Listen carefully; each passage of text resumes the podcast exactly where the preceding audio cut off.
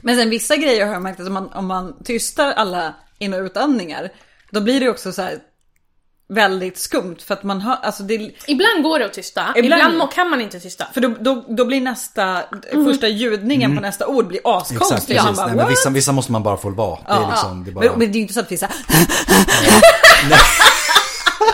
Så har det ju aldrig varit.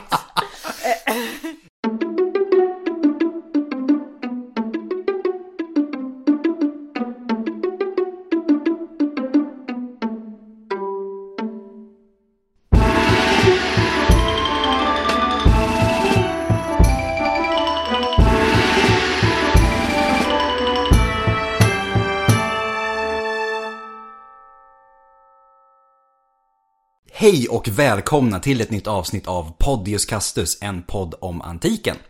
Vi som sitter här idag, det är jag Adam. Ja, Emily. Och jag, Hanna. Och dagens avsnitt är det första för hösten. Visst är det? Ja, om jag har räknat rätt så är det det första för hösten.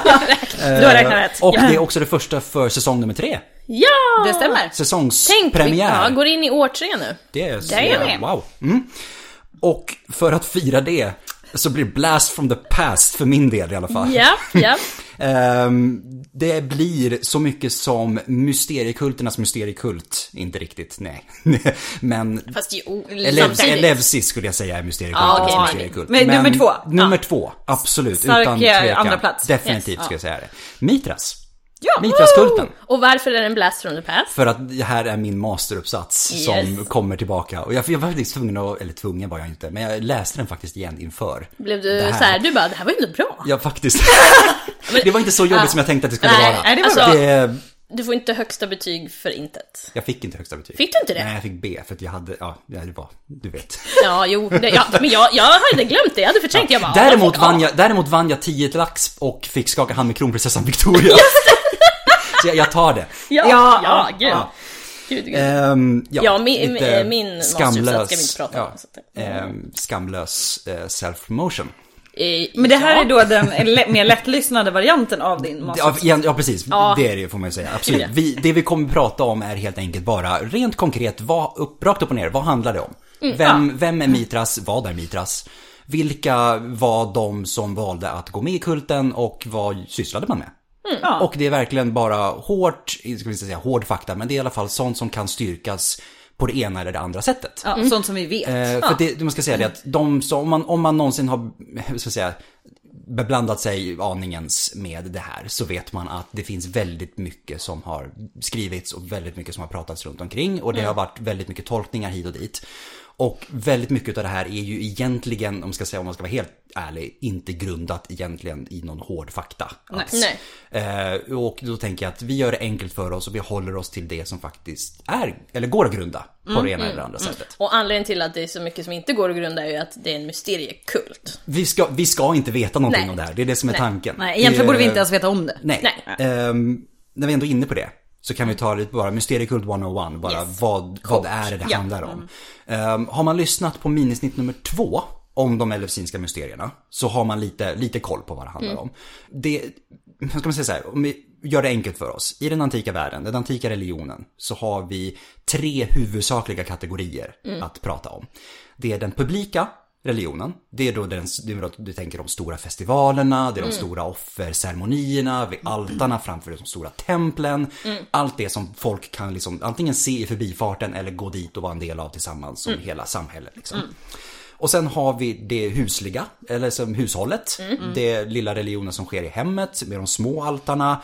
Eh, jordbrukets, du vet de här skyddsgudar och så hela den här biten liksom. Larer och hela i, i Rom och sådär.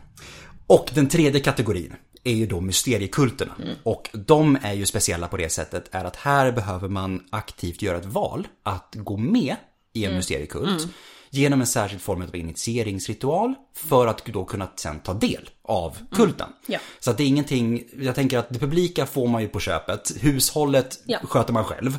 Och mysteriekulten är då så att man blir som ett, ett man blir del av ett sällskap. Som får tagit del av någonting som annars är hemligt för någon annan. Precis. För det är ingen annan utanför som ska veta vad som händer Exakt. inom det här sällskapet. Och den, den stora som vi var inne på, mysteriekulternas mysteriekult är de elevsinska mysterierna. Som äger rum i Elevsis i Attika. Och det är också de, det är de äldsta De börjar någonstans runt 700 före eller något sånt där. Och sen så dyker det upp några till. Dionysus har några framträdanden. Pratar om dem i med Euripides Bakanterna minisnittet. Som inte är så gammalt i det här laget. Och sen så dyker det upp i Isis, får en mysteriekult också om sig. Och så finns det massa små lokala mysteriekulter Ja. överallt. Samotrake, Thebe, eh, södra Italien, finns mängder med små eh, runt omkring. Eh, och alla har då det här gemensamma i att det bara är menat för dem som väljer att initieras. Ja, så att det var verkligen bara snabbt vad en mysteriekult är för någonting. Ja. Eller inte är, för den delen. Och ska vi så säga det att Mitras är en av de gudar som fick en mysteriekult. Ja. Precis som eh, Isis och Dionysos och Demeter, Eleusis och sådär. Ja. Så ja, men innan vi går in på det så ska vi börja med att titta på källmaterial. Vad Mm. finns det för någonting vi kan säga om det här? För det är som, som vi sa, det är ju inte meningen att vi ska veta någonting om det här. Nej. Nej, det Så ska vad, vara hemligt. Exakt, så vad är det vi har att förlita oss på? Ja men källmaterialet för just Mitras mysterierna är ju väldigt begränsat. Eh, och det, ja, det är ju för att det ska vara hemligt, som vi har sagt. Ja, och, och grekisk och romersk religion, det är inte som kristendomen, man har inte en bok. Nej. det är muntliga traditioner. Precis. Precis. Ja. Och, de behöver inte skriva ner något för att folk vet. ja, och sen finns det kanske inte heller ett intresse av att bevara det om det ens hade skrivits ner. Nej. I det här fallet så tog det inte ha skrivits ner, men även om man hade Nej. det så kanske det Precis. finns ett Nej, eh, intresse av att bevara det. Men vi har faktiskt lite, lite, betoning på lite, skriftligt material. Eh, Och det är ju främst då typ två typer av material. Och det är grekiska nyplatoniker som skriver om det, Mm. alltså ur ett filosofiskt Mhm. perspektiv.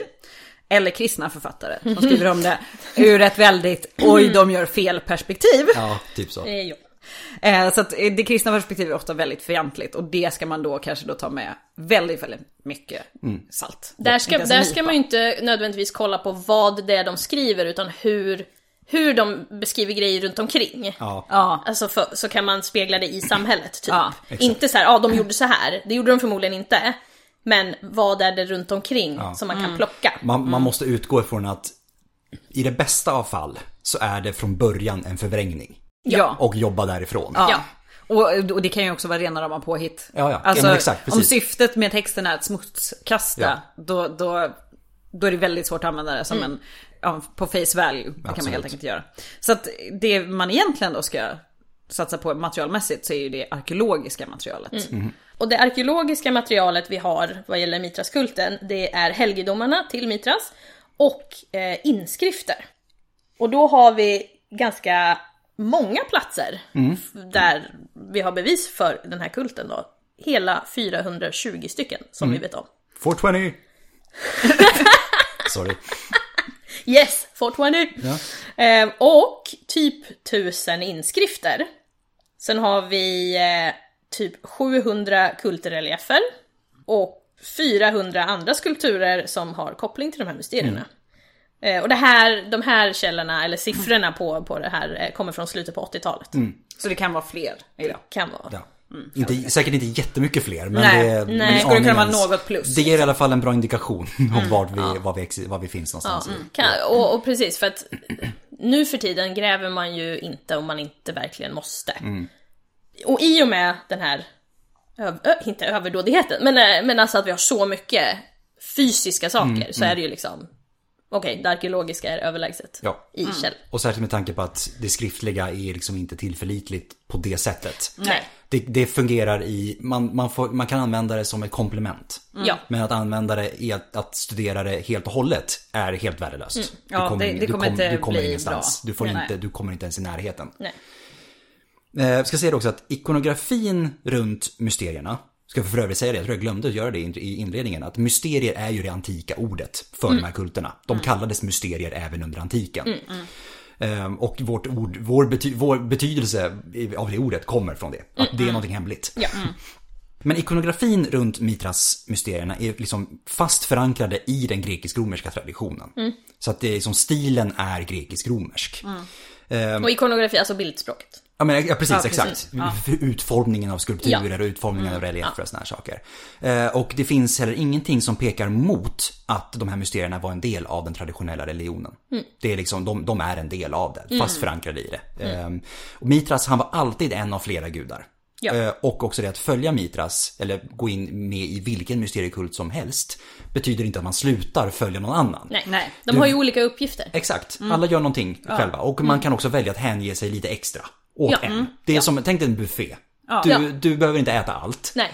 Men du äter kanske det du tycker bäst om. Ja. Och du, det betyder inte att du liksom, att du inte får äta någonting annat. Nej, Så att precis. säga. Du, du väljer bara att Men, göra och det berodde ju också på varifrån man kom. Alltså varje stadsstat hade ju sin, sin gud som var lite extra viktig just där. Man hade olika traditioner och olika myter som förklarade vilken hero som var extra viktig och vilken myt som spelade in. Absolut. Så att, så att det kommer ju alltid vara en liten variation. Så är det ju. Och där har vi också variation över tid. För Ja. att mysterierna, de, eller Mitras-mysterierna då specifikt, de figurerar under en period av nästan 300 år. Eh, över hela den romerska världen. Väldigt utspritt. Men med särskilt fokus på provinserna som gräns, alltså gränsprovinserna. Men typ såhär Britannien. Exakt. Längs Limesgränsen kan man tänka liksom. Från Britannien, Ren, Donau. För, för om vi pratar om hela romerska riket pratar vi liksom längre fram i historien, alltså inte tidig republik Exakt. när det bara är Vi pratar liksom, kejserliga Rom. Precis, så Ja. att då har vi ett stort romerskt Yes. rike. Efter vår tideräkning. Exakt. Eh, Ja precis, alla, alla, årtio, eller alla årtal om vi inte säger något annat kommer vara efter. Men som sagt, särskilt fokus på provinserna som, som gränsar till någonting annat, eller gräns, alltså gränserna helt enkelt. Och i Italien. Och sen har vi det att av allt att döma så är det en väldigt liten del av befolkningen som initierades i, de, i de här mysterierna. Både, Det är väl också lite liksom, om det ska vara hemligt, då kan ju inte alla vara med. det ju Nej, det. för då är det ju inte hemligt. Det finns ju en gräns någonstans. Ja men precis. ja. För att det ska vara exklusivt så måste det vara en begränsning. Exakt. Ja, ja. Och vissa mysteriekulter löser det på olika sätt. Elevsis, där är det ju många som initieras Mm. samtidigt. Andra är mycket mindre. Och Mitras är en av de som är mycket mindre. Mm. Det, det verkar inte ha funnits en övergripande auktoritet. Liksom Inte en påve. Inte en påve Nej. som har Nej. bestämt vad som, vad som gäller och inte gäller. Och varje liten grupp är liksom självstyrande inom mysteriernas ramar på något sätt. Så Och det är ju att inte man- jättekonstigt med tanke på att vi är i kult, kulturellt, om man kan kalla det så, olika delar av Rom. Alltså Nej, i exakt. Britannien beter man sig inte eller har samma traditioner som i Italien. Ehm, så det är inte konstigt att man dyrkar på olika sätt. Speciellt, och så kommer en soldat och bara, ja men så här har vi gjort. Och så, så modifierar man det lite liksom. Precis. Ska jag säga det också att bara för att runda av lite grann. Eh, runda av liksom den här prologen som vi Ja, håller på med innan vi kommer in på det, det det roliga. Exakt. Ehm, så att just liksom, religiösa fenomen i allmänhet, när de sprider sig, så är det oftast, det är språket och bilderna som förblir konstanta. Innehållet kan ändras ganska drastiskt. För symboliken i innehållet är ju beroende av kontexten. Och den kommer se olika ut beroende på vart man befinner Precis, sig de här kulturella men- skillnaderna ja, men som, som vi nämnde. Ehm, Liksom. olika grupper kan tolka innehållet olika beroende på liksom sociala, geografiska, demografiska faktorer. En slav kommer tolka en bild på ett annat sätt än en kejsare gör, till exempel. Men att mysterierna i det här fallet, när vi säger mysterierna från och med nu, så kommer vi bara mena Mitras. Ja. Eh, Men att mysterierna ändå kunde behålla ett så enhetligt uttryck över liksom både tid och rum, som de kommer att göra. Det är ett väldigt tydligt bevis för att de var så otroligt starkt rotade i, en, så, i sina ritualer och i sin myt. Och självklart är det precis det här som vi har så otroligt lite källor för. För det är det här som är kärnan i mysterierna. Det är det här som är det hemliga, det man inte ska veta. Men sen nu tänker jag också att det är ett bra exempel på kommunikation över den här väldigt stora geografiska ytan. Det det. För att för att få en sån här sak att sprida sig måste du kunna Du måste kunna föra med den på Mm. något sätt. Eh, och det är ju inte, det finns ju inget internet, det är inga telefoner, det är, liksom, det är inte så att man skrev brev och de postades på två dagar heller. Nej, nej, nej. Så att det, det talar ju också till liksom hur utbrett den romerska kulturen Det det. som, som sådan var. Liksom. Och också bevis, eller påminnelse kanske snarare om att antiken är en värld av bilder. Ja. Och att mysterierna i det här fallet också är ett tydligt exempel på hur viktigt det var med bilder. Ja. Och jag menar, det, och det har vi ju pratat om förut i flera avsnitt, det här folk... Även om vissa kan läsa så är det inte något alla kan. Så att Nej. Nej, skrift är inte lika viktigt. Och man läser inte på det viset. För om du har med, låt säga du har med soldater och slavar. Kan de läsa? Eh, Inte alla, nej, definitivt. Nej. Och då är det så här, ja bild. Så, jag förstår. Ja, Det är klart. precis. Mm. Ja. Ja, Det var... Det då var... har vi pratat lite grann om var vi befinner oss rent Vad vi typ källmaterialsmässigt. vet, vad vi och typ, vad vi, ja, men precis, kan vad vi, veta. vad vi, håller, vi har lagt en grund. Vad var det för Och- möjligheter att veta? Exakt. I alla fall. Ska vi då börja prata lite grann om var Mitras kommer ifrån? Ja. För det här tror jag, om man, om man har lite koll, då är det här kanske något man kommer känna igen. Kanske. Alltså tänker om Mm. man har hört talas om Mitras innan och sådär, då tänker man så ja men det är den där, det är den där guden som kom från, från perserna. Just det. Men då är frågan om det var så. men men jag tror att det, ja. det, om man Det har lite väl, ja. koll så, så tror jag att det kan vara en sån Mycket sak som väl, man absolut. har en känsla för. För att liksom. det är precis, man brukar, man kan ju liksom, i alla fall när man kommer in i romersk kejsartid så blir det vanligt att man associerar kulter efter vart de geografiskt kommer ifrån. Och vi har de egyptiska kulterna med Isis i, i spetsen och vi har de syriska kulterna med liksom, ehm, vad heter hon? Um, Inanna och allihopa ehm, i, i spetsen. Ishtar och allihopa. Astarte tänkte jag på, det var det jag tänkte ville säga. Och Mitras tänker man väl då som den persiska. Men det börjar ju lite tidigare än så till och med. Ja. Eh, och för enkelhetens skull så kommer vi kalla den förromerska gudomligheten för Mitra. Ja. Ja, utan S. Och för att liksom kunna särskilja från då den romerska Mitras. Ja. Med, Yes. med S. Bara för att hålla isär det här. Yes. Och Mitra då var en mycket gammal gudomlighet. Och det äldsta dokumentet som vi känner till då som eh, omnämner Mitra är en hetitisk lertavla från 1000-talet före vår tidräkning. Så att det är ju 3000 år sedan. Bara för att hålla, hålla det i huvudet. Och då åkallas Mitras som ett vitt, Mitra som ett vittne till överenskommelse med då riket Mitanni. Eh, Så att det är liksom, nu har vi kommit överens om något, du som gud får bevittna det här. Vi, att vi gör överens. Vi svär vid Gud. Ja men precis, ja. så. Eh, Och det är då det första liksom, kända omnämnandet. Yes. Och Mitra var då en gud som liksom översåg det här med kontrakt och, och liksom överenskommelser och att allt ska gå rätt till och så. Så att det är Ordning och reda. ordning och Exakt. reda. Och då är det inte konstigt att han blir typ soldat. Nej. Gud, eller vad man ska säga. Och då, är det- då om vi, den, vi har det här omnämnandet, då är det här redan etablerat sen innan. Så att då är det ju äldre än Exakt. tusen. Precis. Ja, ja, ja gud ja. Det, det är alltid så. Om- om Muntliga vi- traditioner som till slut då skrivs ner. Exakt. Ja, på exakt. vägen. Och om det här är första beviset, så då har vi liksom ett par steg Precis. bakom. Liksom. Men då, som, som Hanna sa förut, att om man känner till Mitras eller har hört om honom, då är det så här, ja men Persien liksom. Och det är där vi har flest källor som, som berör Mitra. Mm. Då. Och här börjar man koppla ihop det med solen. Och då rör vi oss 400-300 före vår tideräkning. Så då, då har det gått 600-700 Det är ändå ganska år lång tid från fram i första tiden. Det är liksom, ja, men precis. Det är liksom Det- klassisk grekisk tid vi är inne i nästan. Liksom. Ja, och jag menar, ja, alltså det är en lång tradition. Alltså, Det är en lång tradition. Om man tänker på hur Ja. många gudar som har funnits och försvunnit. Så, ja. Och i Persien så har vi någonting som kallas för zoroastrianism. Och det är ju en, en dualistisk skapelse eh, som bygger på en motsättning mellan det goda ljuset och eh, mörkret. Så att det är liksom en, en kamp mellan den gode Aura Mazda och eh, mörkret. Då. Och det finns ju egentligen, man, man kan kalla det för ett monoteistisk världsbild. Eh, vanligare, jag tror att det är aningens vanligare att man kallar det dualistiskt. Någon, någon får rätta mig om jag har fel. Men det, Ehm. to, to be honest, det var ju många delar av kri- tidig kristen sekt som också var dualistiska. Mm, Just det, För att det är en lång tradition. Exakt. Jag tror att som sagt, det, det är nästan mest rätt, tror jag, att kalla det dualistiskt i det här fallet. Att det är två krafter som kämpar mot varandra. Eh, och Mitra är ju då den gudomlighet, han är ju inte en gud i den bemärkelsen, Nej. för han är en gudomlighet. Som en typ, typ, om vi i en kristen tradition skulle kalla en ängelkaraktär på något sätt. Det är liksom precis steget under. Han är då den gudomlighet i och med kopplingen till solen som då frambringar det här lyckobringande ljuset som slåss mot mörkrets krafter på något sätt. Eh, väldigt poetiskt beskrivet. Också väldigt bibliskt, Eller eller? Visst är det inte det? Visst är det? Det är samma del av världen som man blir påmind om. Ehm, ja. Um, då här har vi också Strabon dyker upp här. Grekisk geograf, författare. Första århundradet före. Eh, han beskriver Mitra som persernas motsvarighet till Helios.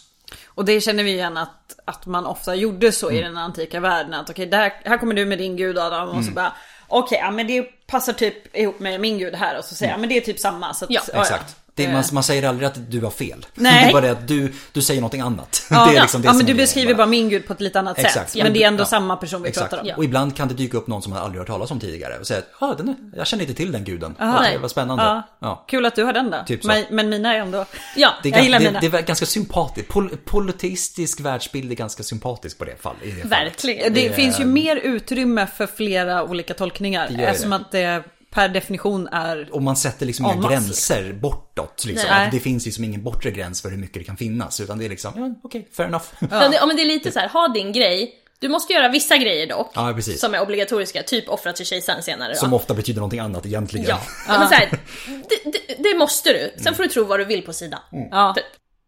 Och då, ja, men då, då, då är det så här, då har vi Mitra som är liksom kontrakt och garanterad att saker går rätt till. Mm. Han är en lyckobringare som bringar fram ljus.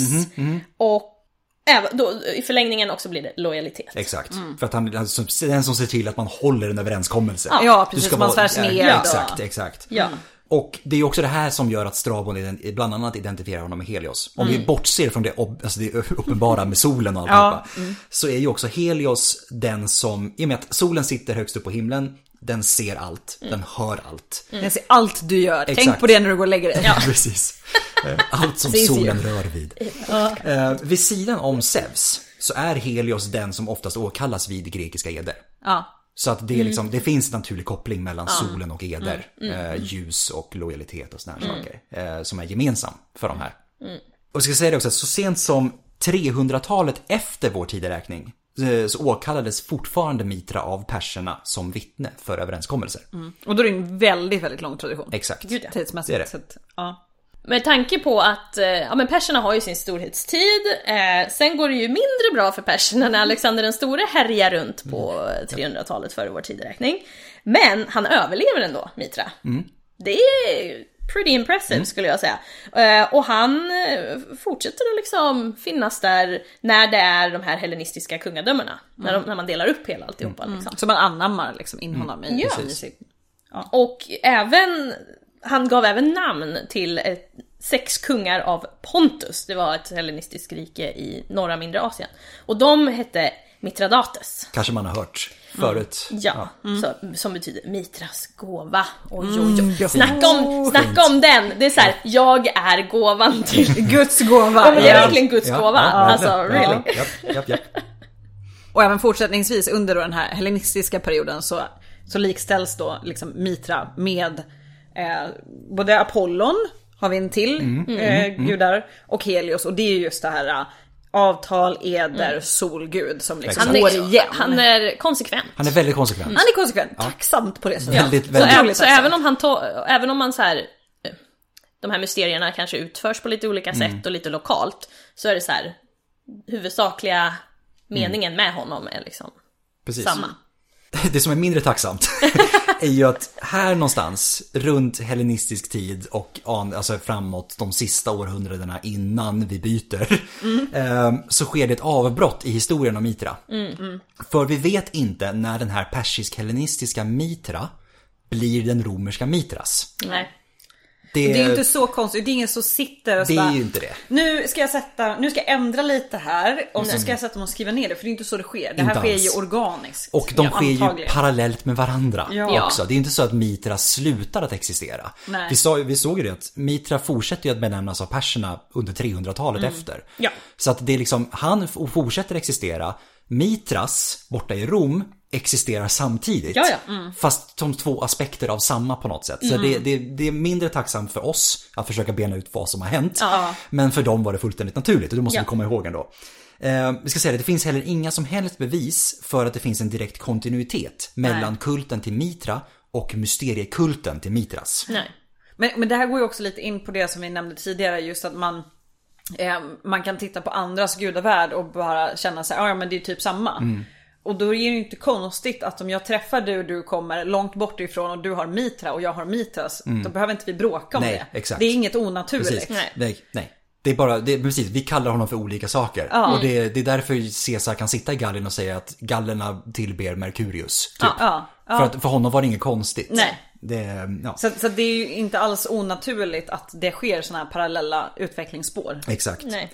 Det finns ingenting heller som pekar på att mysterierna utvecklats från tidigare persiska traditioner. Att det, är liksom, att det är någonting som har tagits direkt från perserna så att säga och anammats av romarna liksom. Det mest uppenbara här är att den romerska kulten, den definierar sig efter ett antal aspekter som helt saknas i Persien när det kommer till Mitra. Eh, till exempel att helgedomarna ser ut på ett väldigt speciellt sätt. Eh, det här med initieringsritualer. Eh, Som vi kommer komma till. Precis. Ehm, och kanske viktigast av allt, att Mitras dödar en tjur. Mm. Som vi också kommer att komma till tillsammans. Så att mycket av det här är som de här, vad man säga, det som man, när man gräver någonting och hittar det och säger att ja men det här är definitivt det här. Det finns inte borta i Persien liksom. De här defini, vet det. Men, men det är lite samma som, är det inte så här, jordbruket uppstår samtidigt på olika platser? men Liksom. typ så. Ungefär. Ja. Alltså, Ja. Så det vi kan sluta oss till, i alla fall från här, det är att mysterierna är en självständig skapelse med ett eget unikt värde inom den grekisk-romerska kontexten. Det, där, däremot ska jag säga det också, att i, med det som bakgrund så verkar det som att Mitras har behållit sin motsvarighets... Precis, som vi sa. Mm. Exakt. Är det en sak, eller två saker som har varit konsekventa är ju det här eh, lojaliteten, överseendet av, Mm. av liksom, eh, att allt ska gå rätt till och solen. Precis. Ja. Och det verkar han ha behållit även i Rom. Och sägas. solen, om vi kollar på alla liksom, delar av den antika världen, hur viktig är inte solen? Ja, alltså, ja, Ja, men den men är det ju liksom- liksom... Herregud, du behöver, inte titta var som helst i världen. Ja, så liksom, nej, men alltså- Även när Jesus dyker upp så Ja. är det solljuset som är som det är liksom, Ja. det är ljus och Ja, men hela visst, alltihopa. Det är så. Ja. otroligt viktigt. Ja. Ehm, av Och, förklarliga skäl. och viktigare på ett sätt som vi kanske inte kan förstå idag som har elektriskt ljus. Ja, men exakt. höger och Nej, vänster. precis. Men så, och, och, och då med det här i bakgrunden, Mm. då, kan vi, då är det lättare för oss också att förstå att inte romarna själva, att inte romarna själva heller har sett på Mitras som en persisk gud. Nej men precis. Nej. Ja. En bekrä- ett bekräftande exempel, eller Mm, vad man ska säga, det är att um, kejsare Diocletianus, han sl- eh, slog ner ett uppror i Egypten 297 efter vår tideräkning och förbjuder då något som kallas för manikeismen med en motivering att det var en sekt som härstammar från perserna och perserna är våra fiender. Så då, om Mitras då skulle varit en persisk gud, då hade vi kanske inte sett så mycket mer av honom efter det liksom. Eh, och som ännu en liksom grej, det, det han gör Diocletianus, han dedikerar ett altare åt Mitras efter detta. Liksom. Så att med en dedikation, Fautor Imperi, rikets beskyddare. Alltså, Mitras är romersk, okej? Ja. He is. Och det som är lite spännande är att eh, mysterierna då, de uppstår i Rom eller i Ostia. Eh, och det är ju liksom grundat på att man den senare utvecklingen och liksom mängden källmaterial från de här platserna. Men hur de uppstår är ju som sagt, det vet vi inte. Nej. Och vi kommer nog aldrig få reda på det. För att det är ingenting, även om det hade funnits skriftliga källor, så det är ju ingenting man skriver ner. För sånt sker ju. Det är, är först i efterhand man kan skriva ner och då är det frågan om hur relevant det är. Ja. Och mysterierna de, de kombinerar både nytt med gammalt. Och de lånar ju element från andra grekiska mysteriekulturer såklart. Men blandar också med lite persiska uttryck. Så, så att det, det, ja men man plockar russinen ur kakan. Lite så. Helt enkelt. Eh, Men, men allt det här har ju liksom bara betydelse inom ramen för mysterierna. Så det finns ju ett ramverk som man hela tiden förhåller sig till. Och det, det ramverket i sig är, är, finns ju inom den här grekisk-romerska kontexten.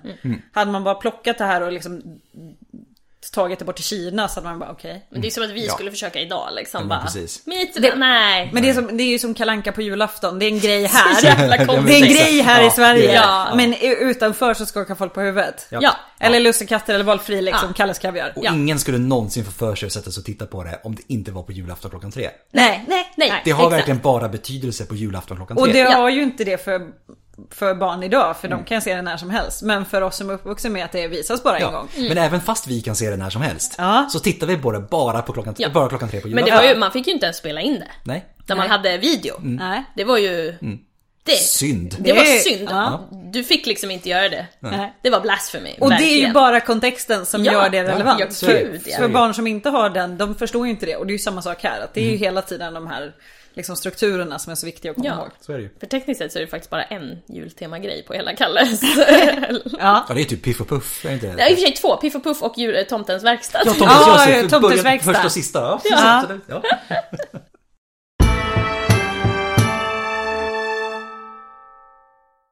Eh, men ja, men nu har vi ju då gått igenom lite liksom vem Börja- han var. Var han kom ifrån. Ja, Ja. Nu ska vi prata om vad som händer i Rom. Ja. när han kommer dit, så att säga. Eller när han har kommit dit, kanske snarare Ja. ska säga. För de äldsta arkeologiska bevisen för kulten, som vi kan datera på något sätt, de kommer från provinserna, men de har koppling till personer som ursprungligen kom från Italien. Och de här bevisen de består främst av inskrifter. Och de går att datera till mellan 90 och 110 efter vår tideräkning. Men eh, beror det på att man helt enkelt har svårt att gräva i Rom och Ostia? Troligtvis. Eller hur? Det är nog troligtvis Eftersom något att, sånt. ja, eftersom att det, det är också... För att grejen är att om de här personerna kommer från Italien betyder det att den borde ha funnits där innan Ja, 90-110. precis. Ja, ja. Så att det, ja, det, det finns något, en liten sånt där. Ja, Absolut, precis. Eh, så att det, ja, man ska alltid ha allt det där i bakhuvudet. Man måste komma ihåg att så, när, så tidigt vi kan se är det ju här. Precis, ja. Det sen, Ja. ja. Men eftersom att du precis sa att det Ja, kom i precis. Rom. Mm. Så Eh, definitivt, lär det ha definitivt. funnits äldre platser där men de har vi inte hittat. Så är det ju. Mm. Eh, om vi ska bara, i romersk kronologi så betyder det här någon gång mellan kejsare Domitianus och Trajanus. Om man det kan sin kejsarlängd. Precis, exakt. Ehm, och det är gränsprovinserna längs floderna Ren och Donau som de dyker upp först. De här bevisen då. Och det är då antingen kopplat till soldater som rekryterats från Italien. Eller till slavar som, som tjänade personer från Italien. Eller till handelsmän vars bas var Italien. Alla vägar bär till Rom. Typ Ja. Ja. Men det är helt enkelt kopplat till personer som reser. Ja, Ja, så är det. eller flyttas Eller på, liksom. precis, rör på sig. ja. Och ska säga det också att eh, för skojs skull så den äldsta skriftliga källan är också från samma tid. Mhm. Runt år 90. Det är ganska intressant. Så det, de dyker, den dyker upp plötsligt samtidigt sådär bara. Ja, tjopp, tjopp. Eh, och det är den romerska poeten Statius som i en passage likställer Mitras med Apollo. Och han verkar också beskriva den klassiska reliefscenen där Mitras dödar tjuren som vi kommer att prata mer om senare. Eh, för han skriver något i stil med att Apollo som i den persiska grottan vrider de motvilliga hornen och sån här. Det är per- i poesi då, eh, form. Eh, så att, ja. Eh, och det här innebär ju att vissa aspekter av mysterierna var tillräckligt välkända för att de skulle kunna gå att använda som allegori i det här fallet. Så då borde den ha varit relativt stor I, redan nu. Den borde i alla fall, ha- Ja. man borde ha känt till den i Ja. Rom. Eller Ja, i, liksom, i precis. alla fall Ja. vid det här laget. Det borde, det borde ha funnits i, eh, ka- kanske inte nödvändigtvis allmänna medvetandet men tillräckligt stor del utav de som tar del av det här kulturutbudet. Mm. Exakt, För annars är det en menlös referens att göra. så är det ju. Gud ja. Ja. Så det, det, är så, det är helt enkelt så man får tolka. Så här, vad, har vi, vad kan vi typ läsa så. ut ur det? Ja. Verkligen. Eh, det är pussel. De negativa bevisen snarare Ja. än någonting Om man älskar att lägga pussel då kommer man älska att plugga antiken. Men, men även så här i de här tidiga källorna, om man jämför honom med Apollon och så här.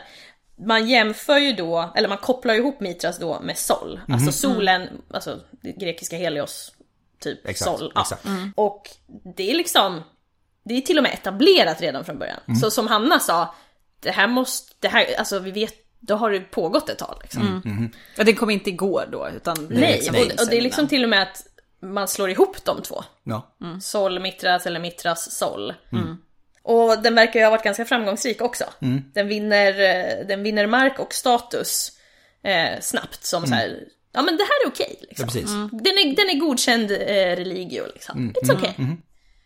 Och det kan väl kanske vara ganska, det är kanske inte så konstigt om det här är folk som reser och har en koppling hem också. Om det nu kommer från, från Rom liksom. Att man vill Man tar med sig en del utav hem, Exakt. hemma liksom. Ja, eh, för som vi sa, det är inte så att man kan ringa hem liksom, eller skicka ett brev Nej. sådär. Nej. Ehm, och kanske inte jätteförvånande då heller, i och med att det är inte alla som reser, är att den har då lockat till sig medlemmar som är ganska högt uppsatta inom olika ämbeten. Så både inom armén och kejserlig administration.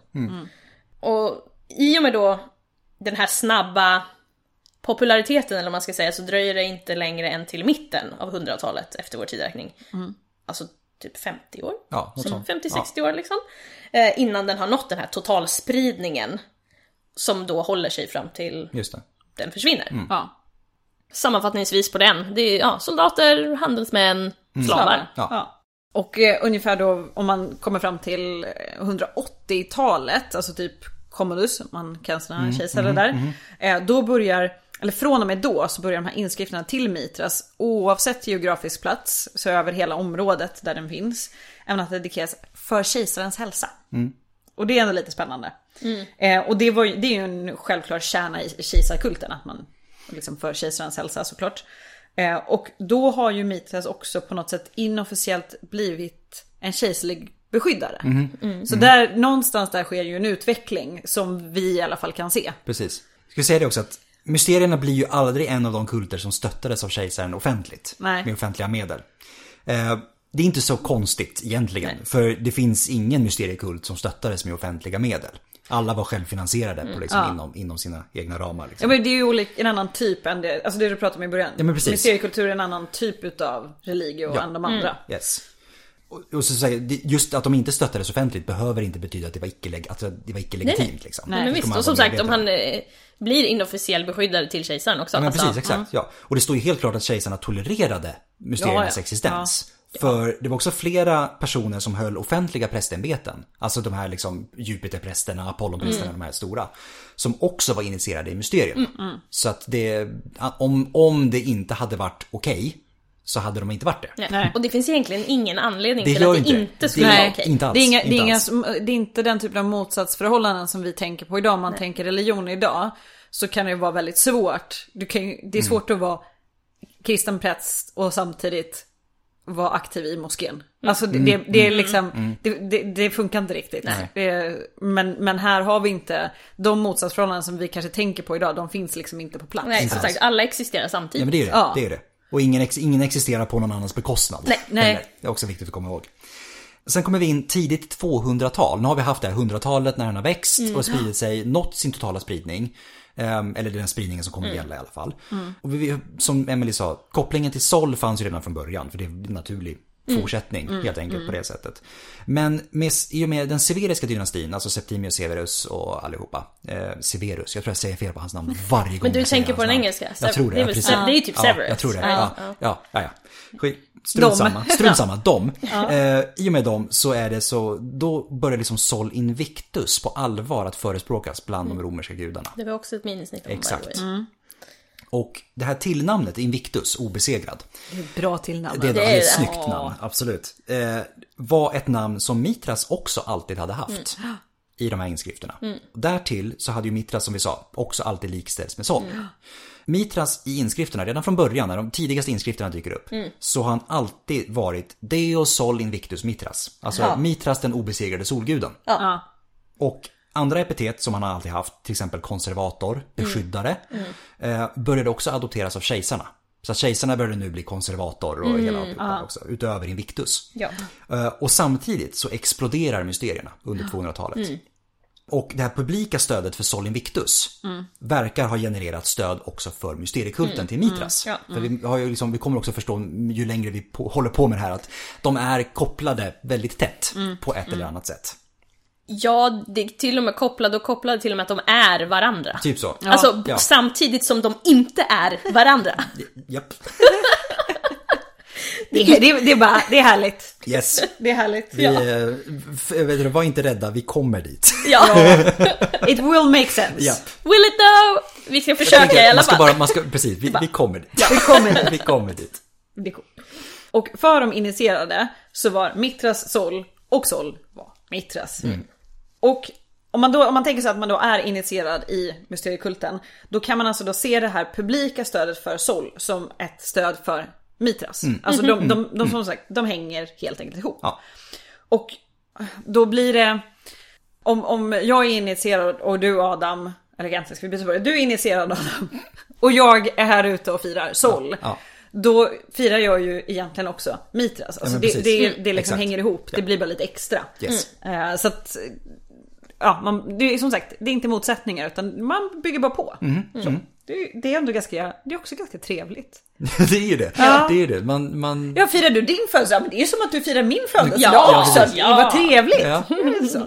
Jag ska säga det, kanske vi sitter och glorifierar någonting, men det är liksom, det är ändå, ja. Det, Ja men det är klart att det fann, fanns det problem och motsättningar Såklart. ja, där också. Jag, jag tror att det bara är kanske vi är lite skadade av, av historier som följer. ehm, Ja, med allt eh, vad och, och det finns ju väldigt mycket, eh, det finns väldigt mycket som är, liksom, eller och blir, eller används som problematiskt här. Men, men just de här aspekterna, det, det gör det ju mycket enklare att så att säga snälltolka. Det är ju det. Eh, att om, om du tillber en gud som jag kan jämställa med min gud. Mm. Då, då, jag kan tycka att du kanske inte riktigt har fattat grejen och du säger, kallar med fel namn. Men det är liksom inte lika, det blir ingen lika stark motsättning. Nej, jag kommer aldrig slakta ditt folk för att ni gör på det sättet heller. Jag har inte det behovet. Nej, jag kan hitta på nej. en annan anledning att nej, slakta ditt folk. Exakt, Ja, precis, ja, ja. absolut. Det, det absolut. kan behövas. Men Absolut. inte i någon religiös namn i alla fall. Nej men det, be- det behövs inte. Inte på det sättet. Nej. Det enda romarna behövde var ju, som ursäkt var ju att de var bäst. Ja, det var ju deras grej. De bara,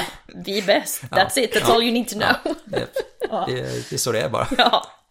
Eh, men, men den här liksom, om vi går tillbaka till den här aspekten mellan det då, mitt firande av Sol och Adams firande av Mitras, det, det hemliga och det publika. Det går igen i andra mysteriekulter också. Ja. Ja. Så att det är ju inte Och det är inte så, konstigt för att jag menar, om vi, om vi tänker Demeter, då är det så här, man firar, det har ju att göra med liksom hur, hur man skördar och liksom tillväxt och sådana saker. Och det var ju det var något alla behövde offra till eller fira. Ja. Sen så är det olika nivåer på det hela. Absolut. Ja.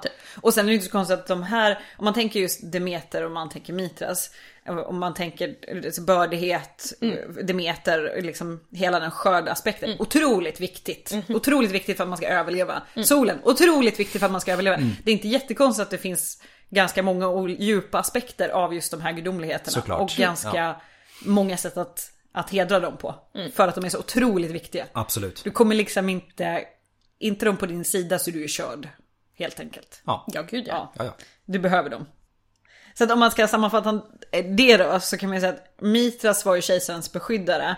Och kejsarna i sin tur de lyfte ju fram Solen Victus. Och Solen Victus har ju alltid varit Mitras. Mm. De behöver inte officiellt gå in och då stödja Mitras-kulten med Nej, pengar. precis. För de gör ju ändå det igen när de, Ja. Den offentliga delen. den offentliga Exakt. delen som är för alla. Precis. Det är väldigt meta. Väldigt Ja. När vi, när, vi, när vi är ute i det publika, då är det Sol. Ja. Och när vi inte är i republiken, när vi är i det hemliga, då är det Mitras. Men det är också Så för att hålla ja. det här exklusiva. Ja men det är ju det. Det finns någonting där, det, oj hjälp nu höll jag på att sänka min mikrofon. Det finns någonting som händer däremellan, resan mellan det publika Ja. och det hemliga. Det finns Ja. en orsak till att det hemliga är hemligt. Ja. Och vi, sa, vi pratade ju om det här med källmaterial och sånt och att det tidigaste hade vi från typ 90 till 110 efter vår tideräkning. Men det mesta vi har, eh, det, det kommer från datum, datum årtal. eh, 21 från- mars. 21 mars! Nej men eh, 150 till 250 efter vår tideräkning. Ja. Ehm, och sen då, mellan 250 till 300 så sker en drastisk minskning i källmaterial. Kan bero delvis på oroligheter. Ja, Och sen the rise of kristendomen. precis. Det är inte heller, ska vi säga det, det är, det är, det är inte unikt Nej, för nej, nej, men det mysterierna är i det det här fallet heller. Det är Det det händer inte. över, överlag. Ja, gud ja. Ehm. Som sagt, det är, det är lite kris under 200-talet, det är inte ashett. Nej, liksom. Nej. det är massa, det är inbördeskrig och grejer och kejsare avlöser varandra på löpande. Löpande band. Ja, Ehm, och ibland är det flera samtidigt och alltihop. Ja, det, Ja. det är rörigt. stök. Det är otroligt stökigt och rörigt. Och det påverkar ju allt. Så är det ju. Och Ja, alla. ja. Så att, eh, Sen kommer det lyckliga 300-talet. ja men det, det, det känns det lite glada såhär, 20, Ja, men det 20. känns lite nationalromantiskt på något sätt. Ja, visst gör det det. och, Människan kör saker i cykler. Ja, Ja, ja, men det är Gud, ja. verkligen. För att i och med att 300-talet börjar, det har, det har stabiliserats i riket, det har etablerats ett nytt system att styra och det ska vi inte gå in på. Nej. det, Nej, nej, det det- blir bara rörigt. Eh, Men de flesta kulter, oavsett om de är mysteriekulter eller offentliga, så får de lite utav en pånyttfödelse. Och Mitras räknas ju in i det här absolut, tar också del utav det här. Och det är också nu, ska vi säga, det är nu det händer. Det viktig, den kanske viktigaste händelsen i hela mysteriernas historia sker nu.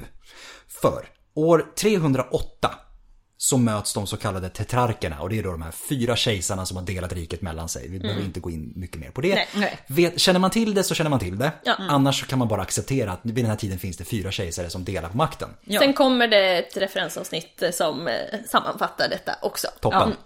Ehm, I Carnuntum, som är då dagens Österrike, ganska nära Wien, eh, så möts då de här eh, fyra kejsarna.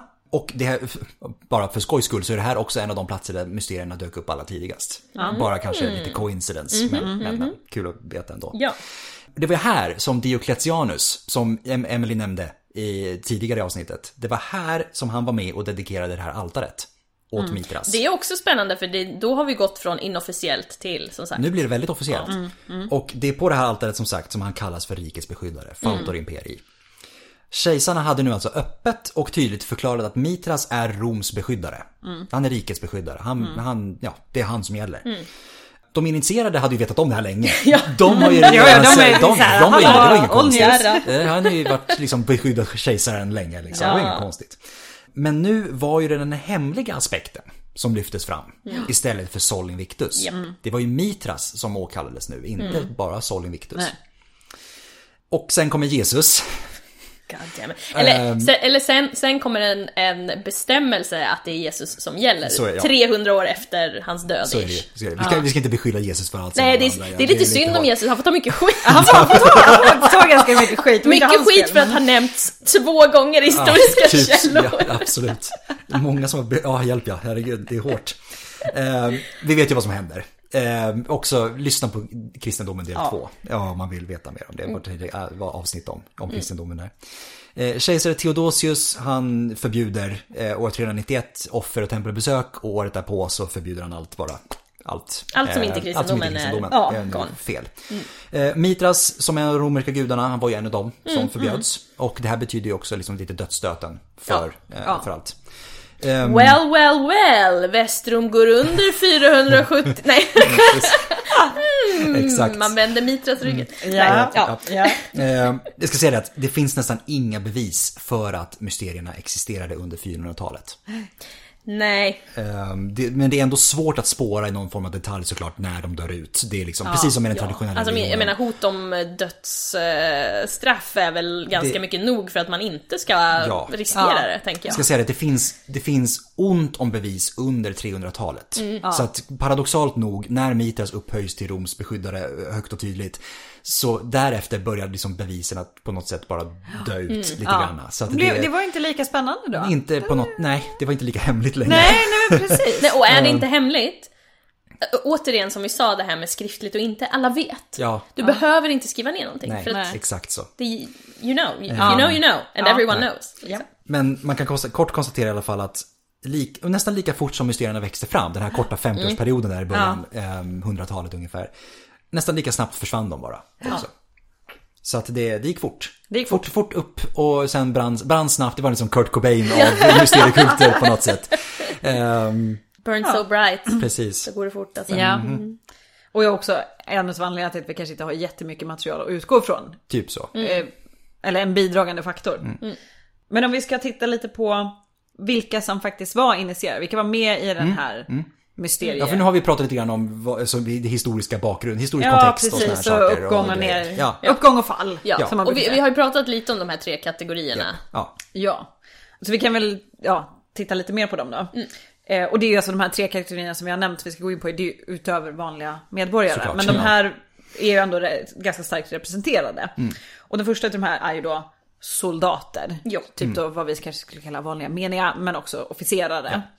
Och sen så medlemmar av den kejserliga administrationen och då är det ofta slavar.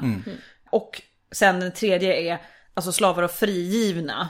Eh, och då kan de antingen ha tillhört kejsaren eller andra liksom högt uppsatta personer. Och det är väl också de som vi pratar om som kanske har rört sig mycket. Att därför Precis. det finns mycket i de här gränsprovinserna. Exakt. Och hur vet vi det? Jo, det kommer ju från deras namn och titlar som omnämns i de här inskrifterna man har precis. lämnat efter sig. Och då kan vi ju nämna något som vi kommer komma tillbaka till sen. Eh, att det helt saknas bevis på kvinnor i de här inskrifterna. Mm. Vi kommer komma in mer om kvinnor senare för det är liksom, ja. Vi kommer till dem. Det finns, det finns viktiga punkter att Ja, belysa. det Ja, det. Eh. Vi kan konstatera som sagt att vi finns, av de vi känner till, de namn vi känner till, så finns det inte inte en enda kvinna. Det kan Nej, vi, det nej, kan vi ja, som sagt konstatera. Och en sak som man kan säga med, med namn, det är ju inte alltid bara titlar som skvallrar om, om, om vilken roll man har haft. Utan namnen kan ju också skvallra om Precis. man var frigiven, eh, om man var slav, varifrån man kom och så vidare. Så, att, så att det, just att studera Precis. inskrifter är väldigt viktigt för att få information Absolut. om, om människor. När det gäller soldater, om vi börjar med soldaterna, eh, så är officerare vanligare förekommande i inskrifter än andra. Inte så konstigt egentligen, för de hade ju högre lön såklart. Och därför var de också bättre stånd att till exempel finansiera ett altare. Ja, Eh, och då och skriver man ju det här altaret eh, Man, dedikerades man vill av... ju visa att man har betalat för det här, Ja. såklart. Ja, Det finns också de fall där soldater har gått ihop för att bekosta någonting. Så att till exempel några meniga har skramlat ihop och sagt, ja men nu, vi, ett nytt altare kanske vore, vore lagom. ändå."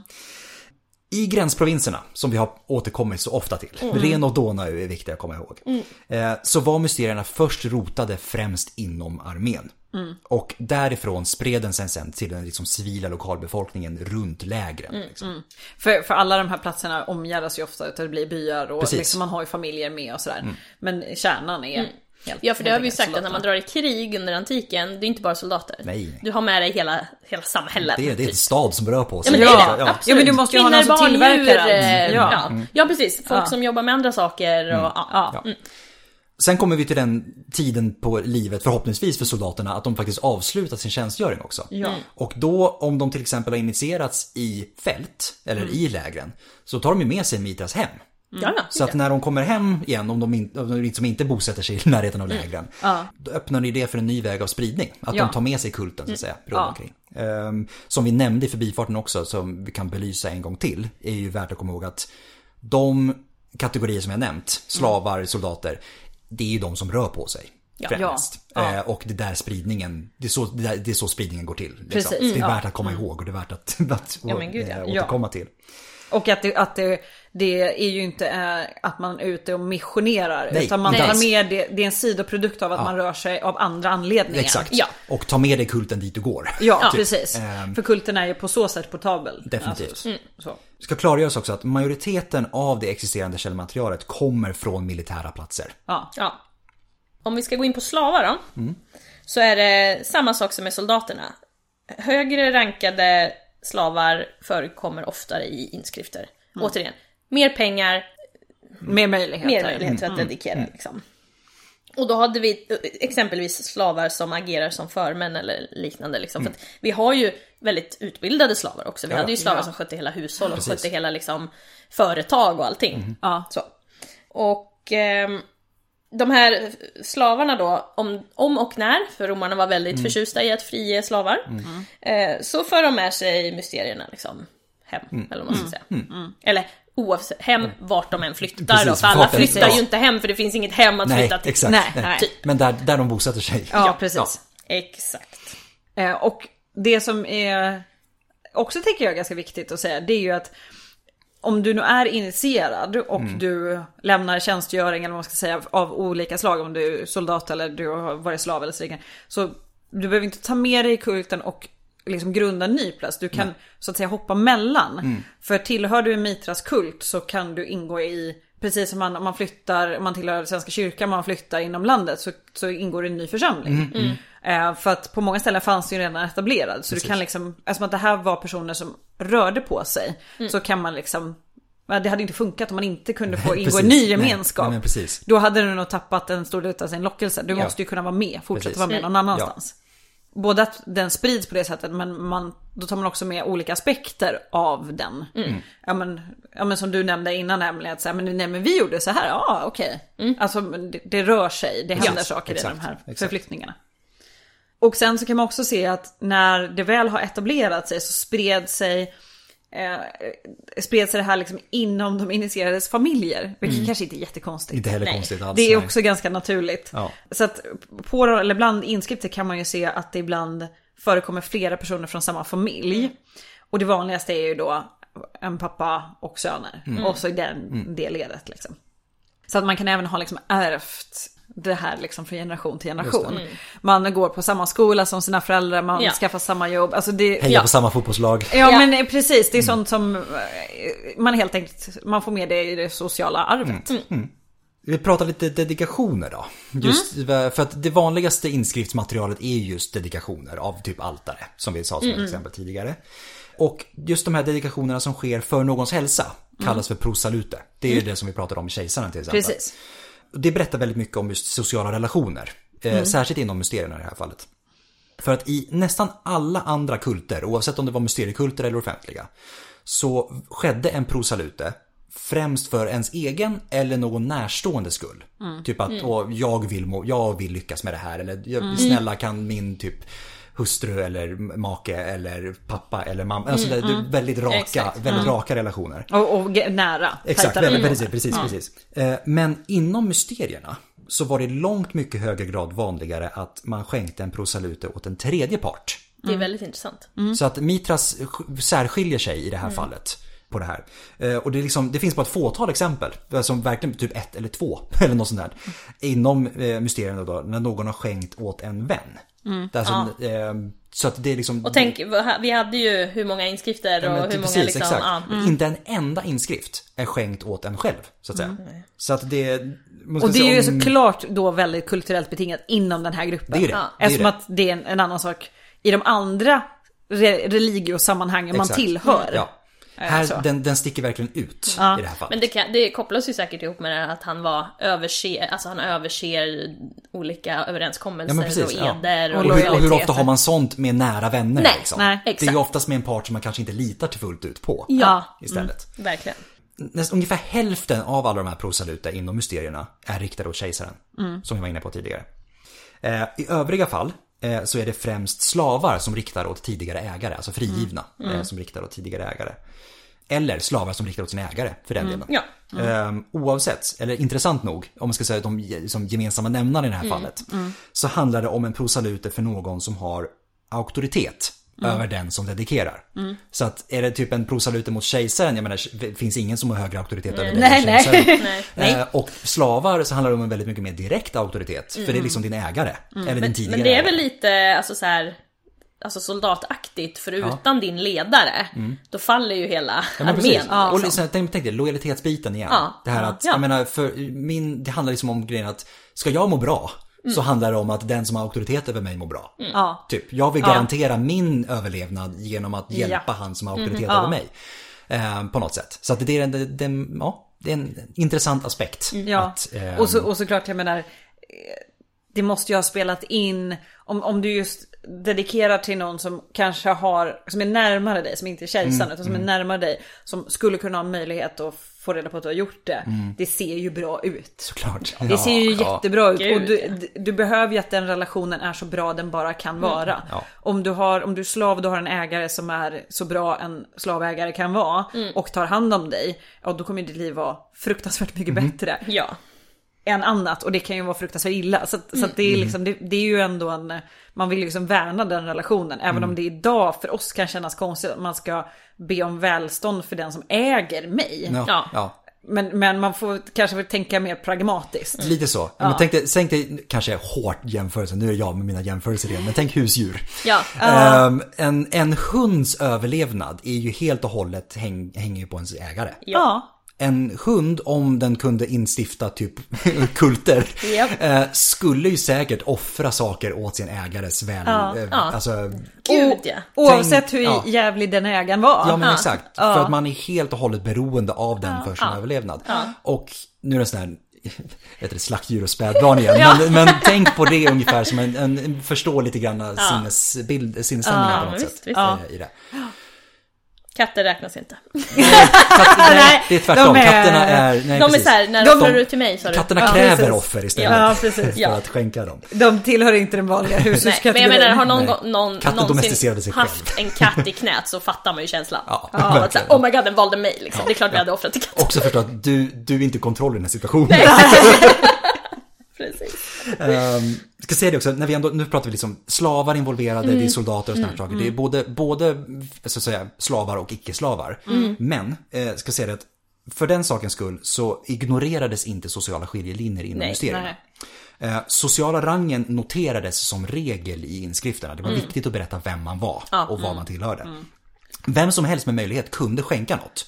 Det finns liksom inget så som var, bara för att du är slav så fick du inte skänka. Det, det finns inget Så på sånt. det sättet är den ju väldigt eh, jämställd. Ja, precis. Om man ska Men samtidigt hårdra det. inom det så fick ingen glömma var man hörde hemma i Nej, rangordningen. nej, För nej. du, du skulle, Exakt. man skulle berätta vem man var och Ja, ja. hur. Och, eh, och slavar kan ju ha en väldigt, alltså det är väldigt lätt för oss att tänka slavar alltid längst ner i rangordningen. Och på ett sätt är de alltid längst ner för de är inte fria.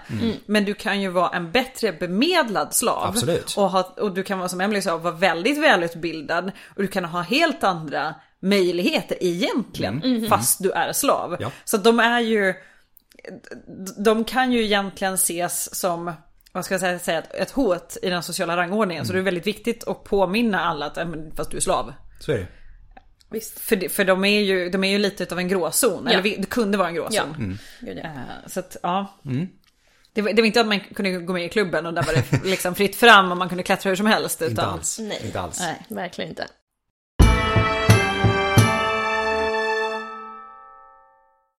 Nu har vi pratat om vem, Nu har det varit väldigt mycket när, hur.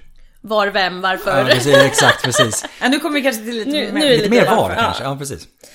Vi, vi har ju pratat om då de olika helgedomarna här. Eh, och i myten om Mitras så dödar han en tjur i en grotta. Ja.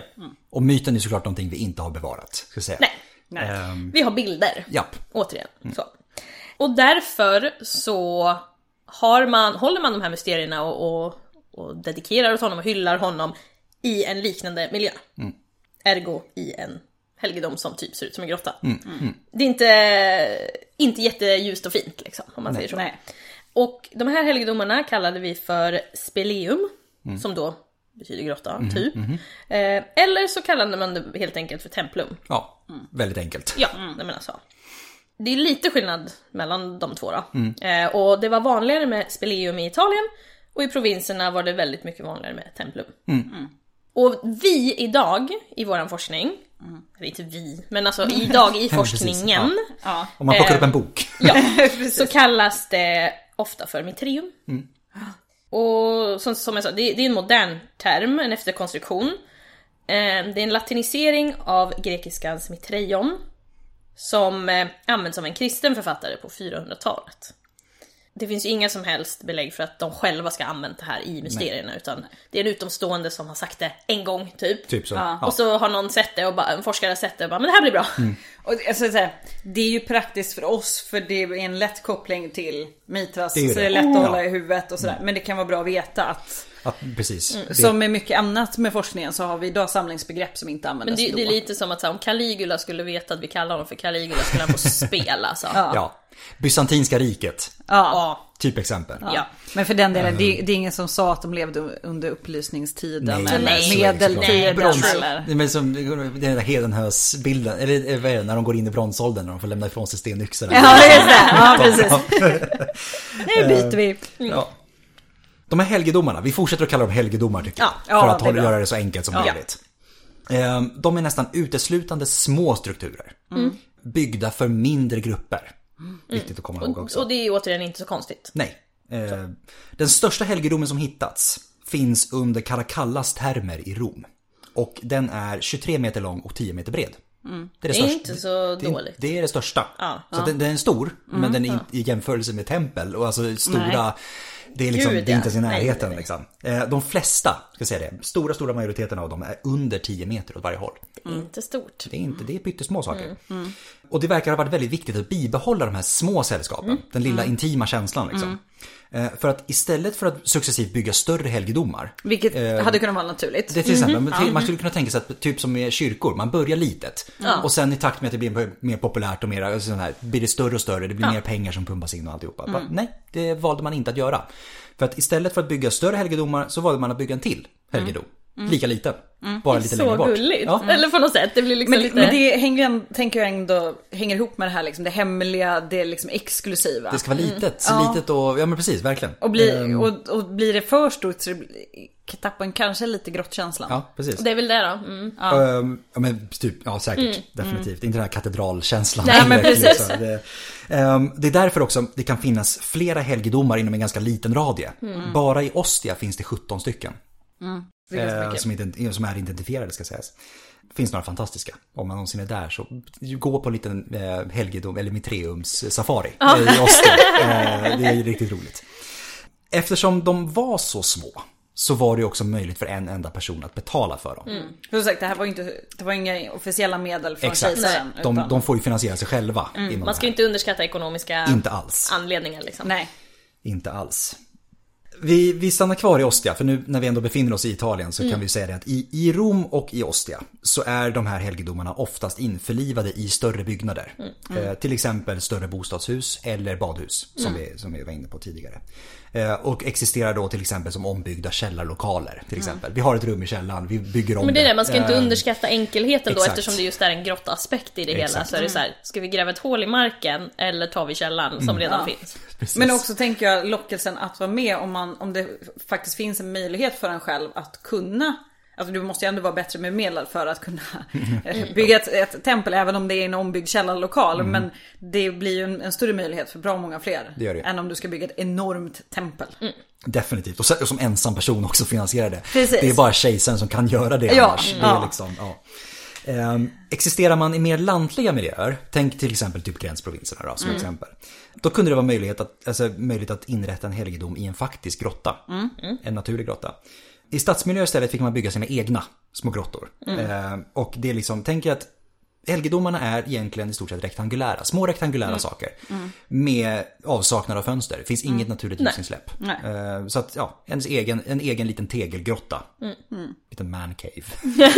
Det är härifrån det kommer! Ja. This is it! Nej. Eh, Och roligt också att när man ändå bygger en egen grotta så att säga i en stad till exempel, i stadsmiljö. Så ser man alltid till att själva huvudrummet alltid finns under marknivå. Det, behöver vara, det behöver inte vara mycket. Nej. Det kan vara liksom ett, två, tre trappsteg bara. Det ska räcka. Men det ska liksom finnas den här lilla känslan att man ska gå ner i underjorden på något sätt. Liksom. I de större helgedomarna så kunde det finnas ett, ett förrum som man kommer in i först när man går in. Ehm, Det kan finnas ett eller flera sidorum. Och i de här sidorummen kunde man till exempel förbereda mat och förvara kärl och sådana här saker som man använde i, i kulten. Då.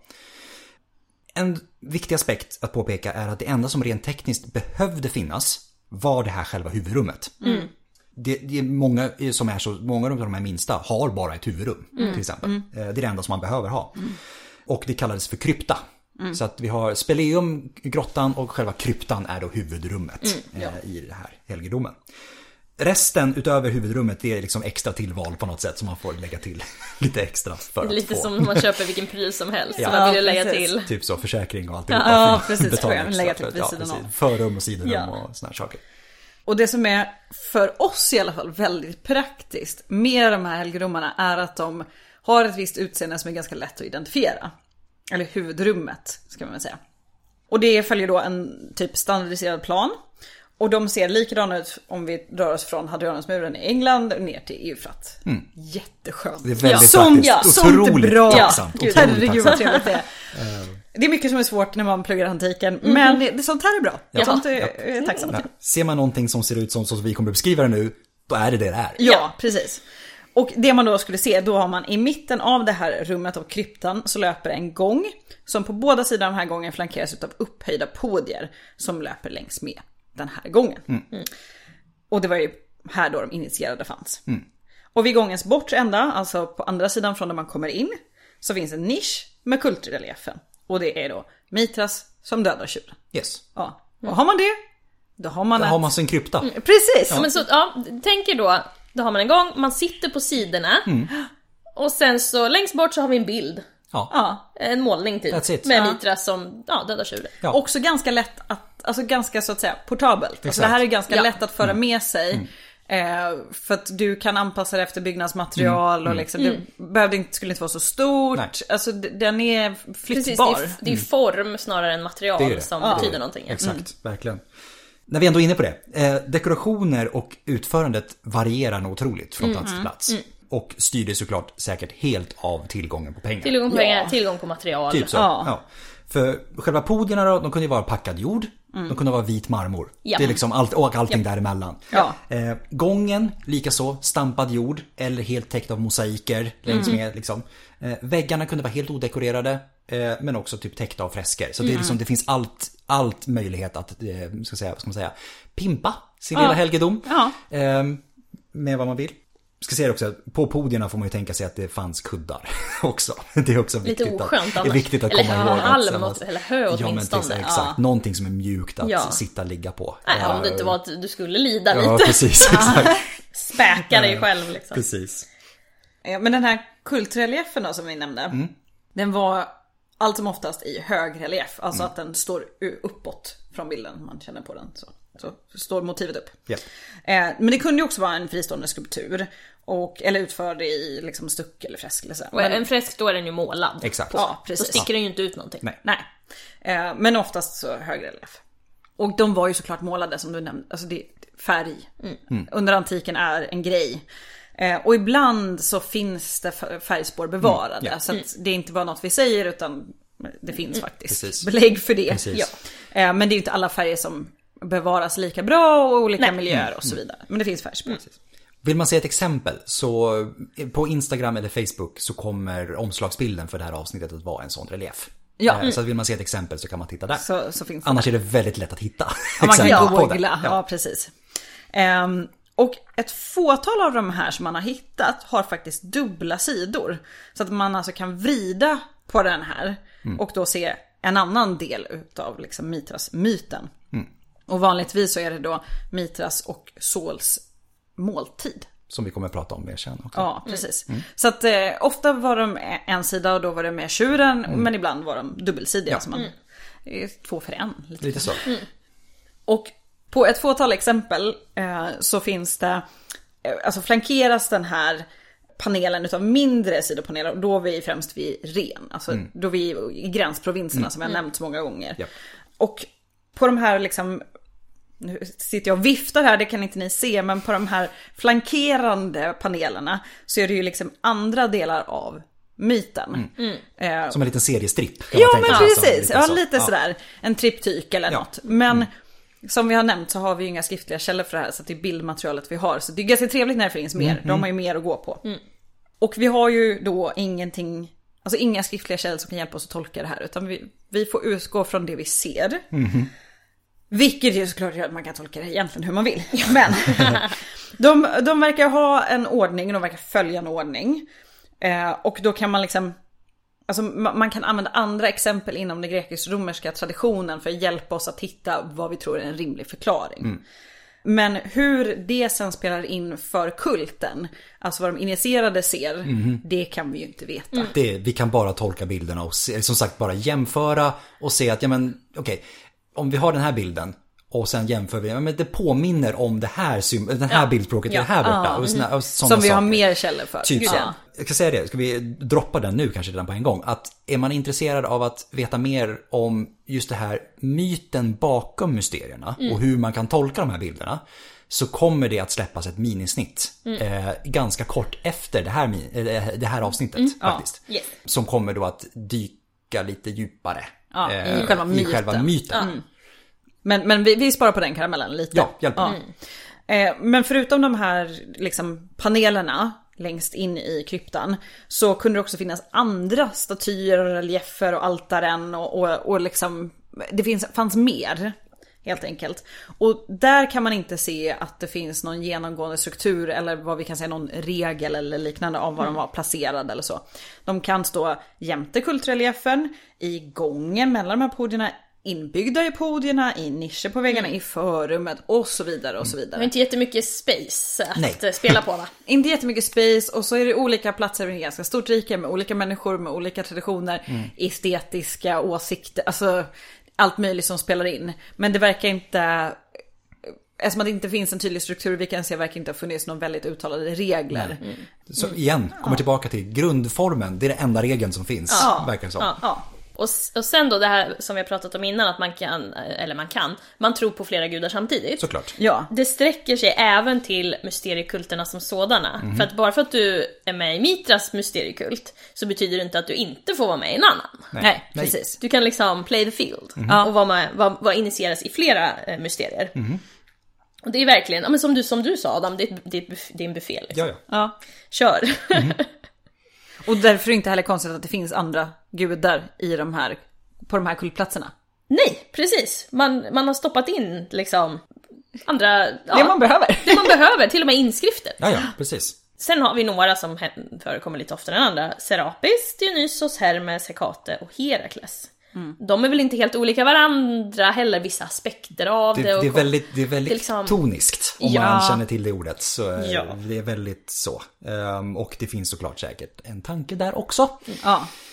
Jo men det, det är väl, ehm, alltså det, det är väl lätt att tänka sig att om man har ehm, en favoritgud eller gudom eller myt så dras man lättare till andra också för att de jobbar med samma aspekt eller representerar samma sak utav Exakt. gudavärlden eller alltså vad det nu kan vara man Det- tilltalas av den kultutförandet. Precis. Det är väldigt mycket, om man ska säga överlag, bland de andra gudarna som dyker upp så är det väldigt mycket antingen liksom fertilitet, det är väldigt mycket de här jordiska aspekterna och de heroiska aspekterna i Herakles till Ja, exempel. fallet. Så det, det är liksom gemensamma nämnare på det och det spelar ju såklart in i Mitras också på något sätt. ja, För att i, jag menar, tittar man på mytbilden och såna här saker, Mitras är lite hero i vad som verkar vara den här myten då som omger det till exempel. Men Så det, det, finns, det finns gemensamma nämnare även där. Vid ingången då, där vi liksom, vi har ju den här centrala gången som löper och vi- precis vid ingången, där, så att säga, där man kommer in. Ingången, där man kommer in. Ifall, ifall det är någon som är osäker på, ifall det är någon som är osäker på det. ingången, ifall det är någon som är osäker på var ingången ligger, det är där du kommer in. Ja, det är den, den Ehm, du ska tänka på. Japp. Sen när man försöker köpa sig själv tid till att läsa ikapp.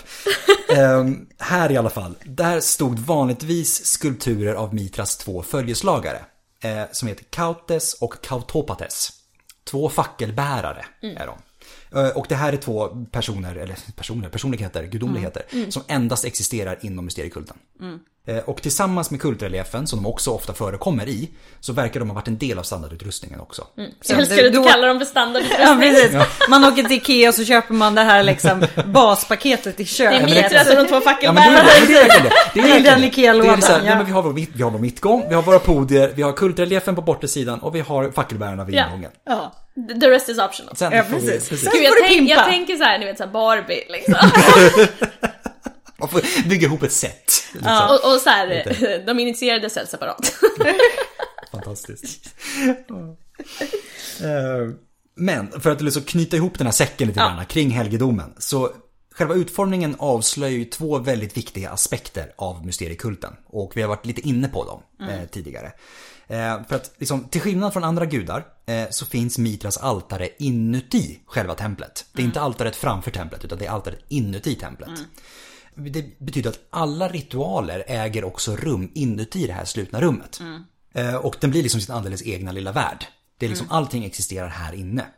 Men det är den här exklusiviteten. Ja men verkligen, Ja. verkligen. Och därför vissa, i taken så kan man ibland också se att antingen så har man liksom förstärkt själva grottformen med liksom lite stuck så att det ska se liksom lite stenigt ut i taket.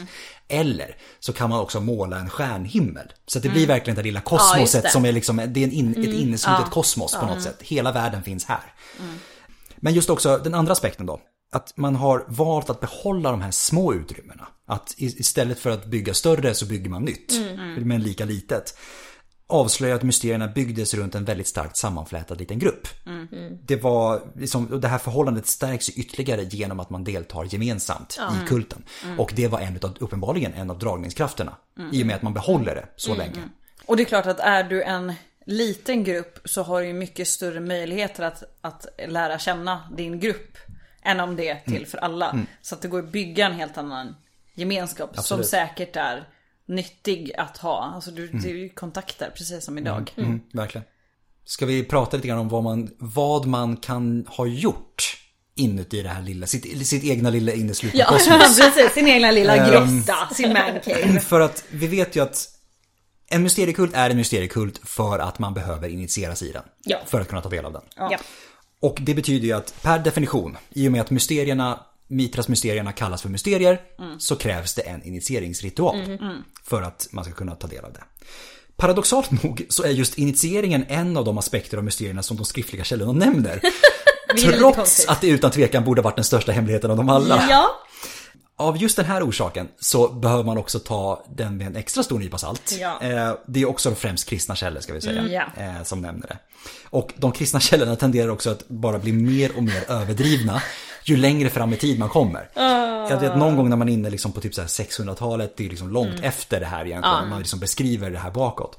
Då pratar man om att men för att initieras i mysterierna så behövde man simma i flera dagar, sitta i en levande brasa, svälta sig själv Sure. i 40 dagar och du vet hela den här biten. biten. Ja, nja. Så att det är så här, ja kanske, kanske inte riktigt. Kanske inte. Eh, Nej. Nej. Och, och, och då på tal om det här vad man kan plocka ur det här. Det är väl att då kanske, det kanske hade något med vatten att göra. Ja, men exakt. kanske precis. hade något med eld att Exakt. göra. Ja. Ja.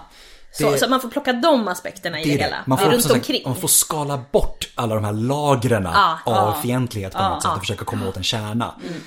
För att vi kan istället, istället för de här liksom rent vad vi kan kalla för fantasier egentligen, Så kan vi då titta närmare på en serie fresker från eh, mysterierna själva. Eh, och i en helgedom i Capua Vetere, alltså Capua är närheten av Neapel i Italien. Eh, så finns det en serie fresker inuti en helgedom. Eh, fem stycken är de, fem Mm, fresker. Som har tolkats visa en initieringsritual. Och nyckelordet här, har tolkat. Tolka, exakt. Man bara, Det, det är det att vi, vi kan ju inte, vi kan inte säga med säkerhet Nej. på något sätt. Det är bara det att vi kan genom jämförelser och så att säga koppla med skriftliga källor och såna här saker. Det känns Kanske rimligt. komma Ja. nära någonting. Precis. Och även om det skulle vara en initieringsritual där, Exakt. är det ingenting som säger att den är likadan på en annan plats. Absolut. Och vi vet som sagt var inom kulten Ja. så kan det också finnas olika variationer och grejer beroende på såna här saker. Ja, Så- för jag menar inom kulten så genomför man genomför inte bara initieringar i den här kulten. Nej. Du firar ju på ett visst Exakt. sätt och, och, och du Ja, liksom precis. helgar gu- gudomen på, på vissa sätt. Så att det, det, man, det är väldigt, väldigt många sådana här om, om, om, Mm. om. Ja. Eh, Men vi kan i alla fall, man kan i alla fall sluta, eller på de här freskerna då, så ser man en person som knäböjer naken med förbundna ögon. Medan en annan person klädd i vit tunika står framför den här personen. Och de här elementen upprepa, upprepas sen på liksom snarlika sätt i de andra freskerna också. Liksom, så det är olika fresker med olika, ungefär samma motiv, lite olika eh, till och från. Såklart otroligt, som du sa, svårt att spekulera kring liksom vidare kring de här ritualerna. Ja. Eh, Det finns liksom nästan ingenting att gå Men, på. men då det här med att jämföra med andra, alltså, kul, alltså den grekisk-romerska kulturen. Ja. Mm. Så exempelvis Mysterievillan i Pompeji har man ju en, en fresk med där man, så- det går, man genomgår inför ett giftermål. Mm, Och då är det ju samma typ, att du har olika bilder som visar olika delar av, och då antar man ju att eh, det sker på samma vis, man berättar på samma sätt. Precis. Ja, precis. Och för, i alla fall för den här gruppen som ska ha sett de här. I Mysterievillan på Pompeji var det ju kanske andra som betraktade de freskerna. Med, Medan inom kulten här var det ju kultmedlemmarna. Mm. Men det är ju ett motiv man ska känna igen. Du ska ju själv kunna förstå bilden. Är, och det är bara där, vik- det är bara där det viktiga finns. Ja, ja, sagt, precis. I, i, det, Ja, visst. igenkännandet. Liksom. Så att ja, det är, det är väl det närmsta vi kommer egentligen utan att behöva liksom titta. För att som sagt, de kristna källorna är de kristna källorna. ja. eh, och sen har vi inte mycket mer annat att gå på Nej. än vad den här fresken, än vad den här seriefreskerna är. Liksom. Otroligt frustrerande. Gud vad roligt det var att veta. Alltså en beskrivning. Dag ett Jag skulle vilja veta det såhär, varför är han naken? Ja, precis. Ja, men precis. Um, vi ska säga att rent allmänt, själva målet med att initieras i en mysteriekult är ju att få tillgång till någonting som annars är dolt. Ja. Det är ju själva, det, är det Ja. man vill. Man, blir, man vill bli invigd i en hemlighet. Mm, Eh, och att få en, i och med det också en sorts kunskap eller en insikt Mm, om någonting. I fallet med Mitras så blir man ju också medlem av en liten exklusiv grupp som alla delar den här hemliga kunskapen. Mm. Det, är bara, det är bara vi som kan det här, det är bara vi som känner till det. Eh, Och därför är det viktigt att komma ihåg just hur otroligt, otroligt viktigt det säkert var med just den här sociala aspekten av det. Att man får känna tillhörighet i den här lilla gruppen. Ja, och bygga ett kontaktnätverk. Alltså det här är ju personer som eh, som liksom lever ändå vad man ska säga vanliga liv precis som vi gör idag. Man behöver hjälp med något som har gått sönder hemma. Alltså du behöver ju ändå ha ett kontaktnätverk och det kan ett ställe att skapa det på är på det här. Och Absolut. Eftersom att det är hemligt och det är exklusivt så är ni lite mer kompisar. Ja. Eller lite Ja. mer, ni har någonting lite mer gemensamt än bara nästa person. Ja, ja. ja men jag Det är lite extra verkligen, på något sätt. verkligen. Ja. Sen är det inte heller särskilt långsökt att liksom beskriva initieringen som en sorts pånyttfödelse. Ja. Och det är också i andra mysteriekulter, som till exempel Isis-mysterierna, det finns ju den här, ni vet, eh, den gyllene åsnan eh, av Apuleius. Eh, Så beskriver de ju vad som antas vara en initiering i Isis mysteriekulter i den. Och beskriver ungefär lite grann på samma sätt. Som alltså den här att man man, det känns som att man typ, man, man nedstiger i ett sorts mörker och sen uppstiger man i ljuset och så får man liksom, men det, det, man, man föds på nytt på något Ja. sätt. Och det finns faktiskt också antika röster ut inom mysterierna, eller en antik röst i alla fall som, eh, som är väldigt tydlig, som använder just de orden. Eh, För det finns en graffito från helgedomen under Santa Prisca i Rom. Som, det är en initierad som har eh, skrivit på sidan av kultnischen tror jag det är. Så har skrivit så här. Född vid dagens första ljus. Och sen följer ett datum som du vet de romerska datumen är otroligt långa så jag tänker inte vi håller oss. Men det översätts i alla fall till lördagen den 20 november 202 efter vår tideräkning.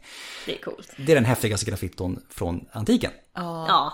Gud, Utan ja. tvekan. Ja, ja, ja. Eh, Ja. För att då Alltså vet graffiti är perfekt. Åh Ja, ja. man älskar det. Eh, och vi vet att just vid den här lö- lördagen den 20 november år Alltså. 202 på den här platsen skedde en initiering i Så jävla coolt. Så att ja, eh, nästan exakt tidpunkt. liksom. Det är liksom lördag. nära man kan komma. Ja, precis. Ja. Född vid dagens första ljus. Det är dessutom alltså, vid gryningen typ Ja, också. precis. Ja. Eh, så att, ja. Historiens vinklag. Vi vet att de initierade kallade sig själva för syndexioi. De som är bundna genom handslaget. Oj, oj, oj, det är väl, Ja. det knyter väl an perfekt till den här ja. Mitras överser eh, överenskommelser-grejen va? Japp. Och det kan ju faktiskt, om, om vi tolkar det så som, så som de säger, så är det att ett handslag kan ha avslutat initieringen. Eller så var det en del av den kunskap som de initierade fick. Liksom, Ett hemligt handslag. Och sen som sagt, ja, ett handslag är ju en överenskommelse. Du avslutar en överenskommelse med ett handslag. Ja. liksom. Så. Och det är som sagt uråldrigt. Ja, det ja. Eh, Och förutom då att de initierade kallar sig för en sak, så har vi ju faktiskt olika typer av benämningar på folk i den här kulten. Det finns olika grader eller vad man ska säga. Och det, genom en kombination då av de här skriftliga källorna och arkeologiska källorna så har vi tagit reda på att det fanns sju grader eh, av initiering i ett så klar, typ internt prästerskap. Aktigt. Man brukar kalla det, om, om man läser i, lit- i litteraturen brukar det kallas för the priestly grades. Eh, Så att präst, ja, olika grader av präster Ja. typ, brukar det kallas. Vi eh, känner till namnet på ungefär 1050 initierade, det är inte helt dåligt. Nej. Men det här är lite intressant, för det är endast ungefär 15% som nämner vilken grad de tillför. Så att det var jätteviktigt att säga vem man var och vilken social klass du tillhörde, men det är mindre viktigt att säga vilken grad du tillhör. Exakt. Och det kan ju då betyda att du faktiskt inte tillhör någon grad. Att Exakt, all... att det finns grader och sen... eh, Resten. Ja, Precis. precis. precis. För det är lätt att tänka sig att okej, det finns sju grader och du börjar längst ner. Ja men precis, Det, är lätt, det är lätt att tänka sig att man börjar på första graden. Det behöver inte alltid vara så. Nej. Det finns, det finns ju faktiskt ingen som säger att du gör det. Nej. Eh, och hade det varit så så kanske fler borde ha nämnt det. Exakt. För då borde också fler ha avancerat upp från första graden till andra och då nämnt det. Precis, exakt. Så att det, ja. Man får pussla. Men det är lite så, i och för sig, om vi ska igen nämna kristendomen så, vi har en församling, sen har vi prästerskap och sen har vi... Precis. Ja. Ja. Sen hade vi hade säkert inte alla möjligheten att klättra heller. Nej.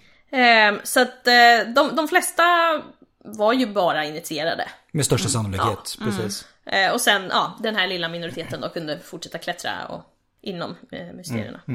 Omnämningarna av de här graderna, de ha, har vi främst hittat i Italien, i Rom och i Ostia. Och här hittar vi ungefär drygt hälften av alla kända präster, nu ska vi säga präster med Med alla graderna då så att säga. Ja, precis. exakt. Även fast minoriteten av inskrifterna är därifrån. Så det är spännande. Det är ja. Det är Det är verkligen så omvänt. det är Ja, väldigt. Ja. viktigt då. Men det kan också ha, ha den, de här kulturella skillnaderna. Det kanske är Ja. viktigare Mm. i närmare Rom Ja. att benämna vem och vad man är inom prästerskapet jämfört med längre, Mm. Ja, för att kulten, om kulten var större där, Ja. Ja, kanske det till och med var viktigare att beha, liksom, hålla på det liksom, det mer så, strikta lite grann. Liksom. exakt. Eh, Och vi kan ju anta då att om man klättrar med de här olika graderna, att varje grad förmodligen kräver en ny initieringsritual. För att även om själva kulten är en mysteriekult så kommer nog graderna i sig själva vara olika kunsk- du har olika kunskapsnivå. du får mer insikt. Säkert, om du Exakt. klättrar högre. Ja. Men jag tänker Du så får veta ännu mer Ja, av men- de ja, men hemliga... exakt. Olika Ja. bälten i kampsport exakt så. Och det måste, finna, det måste finnas en, en liten en, en morot för Exakt. att man ska Ja. vilja göra det på något sätt. Precis. Ja. Det här kräver ju då intresse och vilja. Men det kräver ju också en möjlighet till att kunna göra det, alltså att du har lite fritid, att du Exakt. inte jobbar hela tiden. Återigen, om du har pengar. Och, Ja, det han, precis. ja. Ehm, och ja, förutom då pengar och social status förklarar varför man kanske inte kan klättra. Om du är hyfsat lågt stående soldat så jobbar du ju. Mm. jobbar! du, du, ja, du är soldat. Exakt ja, så. precis. Hela tiden. Om vi ska ta de här graderna då. Då har vi, de är sju stycken och i stigande hierarki så har vi Korax, korpen. Nymfus, brudgummen. Miles, soldaten. Leo, lejonet. Perses, persen. Heliodromus, sollöparen och Pater, fadern, som sista steg. Yes. Eh, och man hade ju velat ha en förklaring till liksom. Det här betyder det här, det här betyder det. Ja, för det är inte att man ser en självklar inbördesordning för oss idag. Det är ju inte det. Nej, inte alls. nej. Eller en koppling mellan dem för den delen heller. Nej. Korpen och soldaten. Liksom. Ja, precis. precis. Eh, Det- Vissa, vissa har koppling till, jag menar korpen finns ofta i kultreliefen. Ja. Eh, för att korpen är budbärare mellan eh, Sol och Mitras Mm. i, i, i, i, i, eh, i, vad heter det? ikonografin. Mm. Heter det. Och sen vissa, viss, vissa är mer självklara än andra, andra är bara så här helt, ja. Ja, eh, det är väldigt, ja, det, Vi, det, vi saknar den kunskapen. Verkligen, Ja, verkligen. Ja. Eh, Men det vi vet det är att den här högsta graden, alltså pater, fadern, Mm. är den som omnämns oftast i inskrifterna. Och det är ju, det är ju de här, alltså det är ju återigen Ja. det som jag pratade om. Eh, Har du kommit så långt har du haft tid och pengar att göra det, du har mer tid och pengar att göra en inskrivning. Alltså du, du har möjligheter. Ja. Så att det... Och man vill väl säga att jag är högsta Ja, ja, ja precis. Så att det är många olika aspekter som gör att det är vanligare. Det betyder inte att de andra inte var vanliga. Nej. Nej, så är det. Så avsaknad av bevis är inte detsamma som bevis. nej, nej. Helt enkelt. Och det är ju inte bara, den strukturen finns ju inte bara inom mysteriekulten utan det här är ju överlag för inskriptioner. Överlag. Ö- Absolut. överlag. Ja, ja, ja, ja. Ju högre upp i rang, ju mer pengar du har desto mer inskription. Alltså, Såklart. Det är därför det vi så vet om, om folk som har levt förr är, vi vet ju högsta skiktet, Mm. hur de har haft det. Ja, och så har det ju varit Alltid. alltid, i det historiska materialet. så det är ju ett vanligt fenomen. Ska vi komma till det vi utlovade innan? Ska vi komma till kvinnorna? Precis, lilla cliffhanger. Ja. När, vi, när, vi när vi är inne på det här. Ja men precis, för att kvinnorna är ju som vi sa helt osynliga. De existerar inte alls i det epigrafiska källmaterialet från de här mysterierna. Ett ofta återupprepat faktum när det gäller just Mitras och kulten och alltihopa är att kvinnor var förbjudna. Och det är säkert en grej så här, har man, har man hört någonting någon gång om Mitras-kulten så är det dels, man har sett kultreliefen och så har man hört att ja, det var bara för män, kvinnor var förbjudna Ja. att delta. Det här hade utmärkt mysterierna från andra mysteriekulter. Det finns ingen annan mysteriekult som var begränsad enbart till män, så att säga, på det sättet. Det finns inte en enda antik källa som påstår att det här skulle vara fallet. Nej. Nej. Det finns inte ett enda bevis Nej. från antiken som påstår att kvinnor var förbjudna. Nej. Eh, Det här är alltså ett helt och hållet historiskt skapat fenomen. Det, är en, det är en faktoid. Ja. Det går därför inte att dra en sån slutsats Nej, baserat på nej. det, det bevismaterial vi har. En avsaknad som sagt betyder inte att det var förbjudet. Nej, Bara nej, för den sakens skull. En skriftlig källa som ofta citeras i sammanhanget är en nyplatonist som heter Porfyrios, alltså en filosof. Mm. Han nämner i en text, när han, han, pratar om, han pratar om tre grader. Han nämner korpen, han nämner lejonet och han nämner fadern. Mm. Eh, och pratar lite grann om egenskaper filosofiskt, du vet hela den här biten. Mm. Vad de associeras med och hur man ska tänka på dem och sådana här Ja, saker. Väldigt filosofiskt. Han nämner att inom mysterierna så kallas männen för lejon, leo, och kvinnorna för leainai. Alltså lejoninnor. Eh, han säger för övrigt lejon på grekiska också. Han skriver på grekiska men jag minns inte vad lejon heter på grekiska. eh, alltså det var att leainai är en feminin version av graden leo. Ja. Så att vi har lejon och lejoninnor beroende Ja. på om man är man eller kvinna. På grund av en korruption i den här bevarade texten, eh, alltså den som har kopierats. Och, Alltså, precis, den har ju skrivits av Ja. flera gånger för att Så finnas kvar. det finns, den, det är en korruption som betyder gör att det här ordet också kan läsas som wainai, alltså hyenor. Så att man kan tolka det antingen som lejoninnor eller som hyenor. Därigenom så har då vissa inom historie, historieforskningen dragit slutsatsen att eftersom hyenor under antiken allmänt sågs som normbrytare, man trodde att de kunde byta kön. Eh, och det här beror på att om man någonsin har sett en, en ska säga, hyenor är, det är ett matri- matriarkalt, det är ett matriarkalt samhälle. Och eh, matriarken har ofta eh, så att säga, ett fejkat manligt könsorgan. Eh, manligt, ja, ni förstår vad jag menar i alla fall. Det ser ut som en Det ser ut som en, ja Ja, precis, precis. exakt. Ja. Och därav så tolkade man det då som Ja. att hyenor kunde byta kön. Ja. Bara sådär hux flux. Eh, och därför har man tänkt att då var, de inte, då var inte kvinnor tillåtna i en så eh, auktoritetsstyrd kult. Och på den vägen är det. Men är inte det lite... det om man As säger per här, usual det- när vi pratar här, om kvinnor inte- under antiken. Det är inte jättestabila ben vi har att stå på i, i det här bevismaterialet heller. För det hänger på att man väljer att tolka korruptionen på ett visst sätt. Ja. Eh, som sagt, man kan antingen tolka det som lejoninnor, vilket då makes sense. Ja. Efter vad vi vet om de prästliga graderna, Ja. initieringsgraderna. Eh, eller så väljer man att tolka det som genor. Som inte en- nämns någon annanstans. Inte någon annanstans. De förekommer inte i ikonografin och förekommer inte, ja, inte någonstans. Nej. Att, Och sen, känns det ju inte som att så här, varför skulle man fokusera på, på saker du inte får göra när du kan fokusera på saker du får göra? Mm. Eftersom kulten redan från början är en mysteriekult. Och det är så, grejen också är att det skulle vara, den skulle vara helt unik i den här aspekten. Och att en sån helt otroligt unik aspekt bara skulle gå helt obemärkt förbi.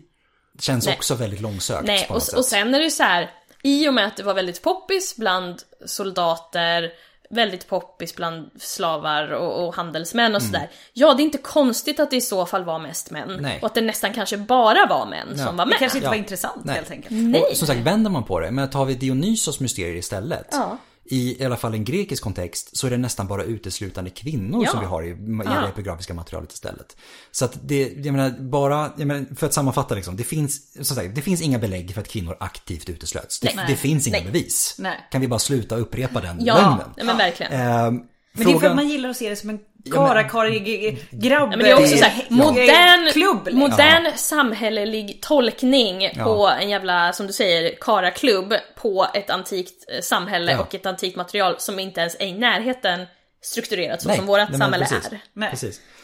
Istället, istället för det här förbjudet, icke förbjudet, Mm. så bör ju frågan istället vara varför i så fall kvinnor inte valde att delta. Ja. Mm. Eller om det liksom helt enkelt är bara det så att det är så enkelt som att det syns inte för att det är en brist i källmaterialet. Ja.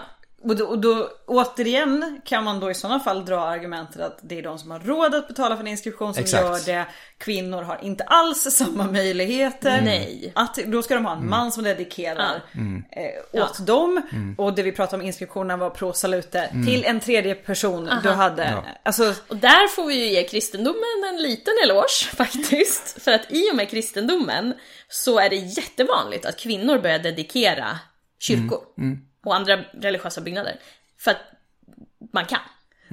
Här behöver man inte, om du är rik och kvinna och inte gifter dig, får du behålla dina pengar. Just det. Sen, utöver initieringen då, för att vi vet ju att är det en mysteriekult så måste det finnas en initiering. Mm.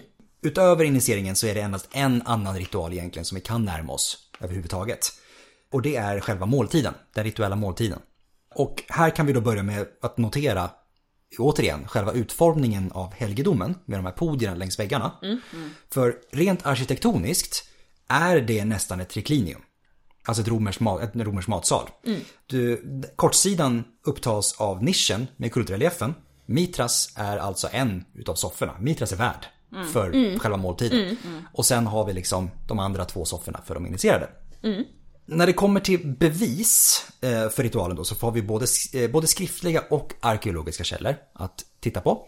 Det finns en del kristna författare som smutskastar mysterierna för vad de anser är en förvrängning av nattvarden. Jag älskar det, det är så här, den här kulten har funnits liksom i tusen år men sure, det är nattvarden som är det OG. Eh, precis. ja då. Mm, Så det, dels har vi det. De, de verkar ta fasta på någonting som de anser vara väldigt likt nattvarden. I alla fall. Så kan vi Och, och då kan vi tolka som sagt bakåt, Exakt, plocka precis, bort och bara okej, Exakt. det borde ha funnits en och, måltid. och sen är också kärl för matlagning och förtäring av mat och djurben Mm. är typ bland de vanligaste arkeologiska fynden som görs i helgedomarna. Och det är ganska liksom face value Mm. Ja, bevis ja, för precis. måltider. Ja. Sen har vi också en mytologisk koppling Mm. till den rituella måltiden. Och det var ju då den här scenen som vi nämnde i förbifarten förut. För att näst efter tjurscenen så är det vanligaste motivet Mitras och Sol som sitter och äter. Mm. Och de sitter på tjurens skinn i de här avbildningarna allt som oftast. Eh, Och det indikerar att scenen sker efter tjurdödandet i myten. Såklart. Så det är den här sekvensen igen som vi är tillbaka till. Eh, samt att då själva dödandet symboliserar någon sorts skapande av överflöd och välstånd. För att tittar man också på tjurscenen, tittar man närmare liksom detaljer, så kan man se att det ofta växer vete ur tjurens svans. Ja. Och att det också väller fram vindruvor ur såret. ja. Så att måltiden blir liksom både ett sorts firande av Mitras dåd och en, liksom en, en sorts mytologisk scen som liksom återskapas eh, inuti själva helgedomen. Ehm, och Mitras dåd blir då på något sätt att genom dödandet av tjuren skapa ett sorts överflöd, välstånd, hela den här biten. Liksom. Sånt som man vill ha. Ja, som typ man vill så. att ens typ, gudar ska exakt göra. så, exakt så. Ja. Sen som fenomen som sådant så är ju just rituella måltider inte något märkvärdigt alls. nej. Ehm, alltid varit en stapelvara oavsett plats och tid. ja. Ehm, Att äta och dricka tillsammans är ju någonting som stärker sociala band. Det är liksom, även utanför en religiös kontext så kan ju typ alla skriva under på det. Ja, Vill man träffas eller bara liksom träffa, alltså fan dejta herregud. Ja, Fikakulturen. precis, Ja, ja, gud, du liksom gud. går ut, äter, dricker, gör något Ja. som bara liksom, ska vi träffas? Ja, vi går ut och käkar. Och tänk dig också att du- ska tillhöra det här hemliga, för bättre ord, sällskapet. Och så ska ni hänga så får ni inte äta någonting. Ja, men precis. Det är jättetråkigt. Ja. Och då kopplar man det, man, man har en, det finns en mytologisk koppling, Ja. det är liksom den här rituella, liksom just det här eh, grupps, eh, sociala stärkande, hela Ja. alltihopa. Allting spelar ihop. Ja.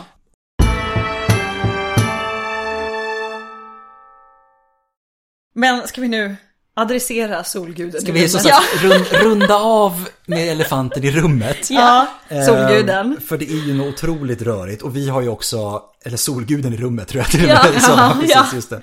Ehm, för vi har ju rört ihop det, eller egentligen inte ska man ju kunna säga. För att vi har ju både sagt tidigare att Mitras är Sol, Sol är Mitras. ja. Men sen så har vi också berättat att de båda förekommer tillsammans bredvid varandra. Ja, för de äter ju de, De sitter och äter tillsammans, Ja, ja, precis. Ja, Och då ja. tänker man att, men vad tusan, hur hänger det här ihop egentligen? Yes. Ehm, hur ligger det egentligen till? Till att börja med så kan vi fastställa att alla som vill studera antik religion måste bara acceptera att det finns paradoxer. Yes. Ja, det, är- det, är bara, det är bara gilla det, fin- det är som, det är som matte, man ska bara lära sig det. Det bara är så. Ja. I de flesta fall så grundar sig här på att det är en religiös värld som är helt styrd av praxis. Ja. Och av muntliga traditioner.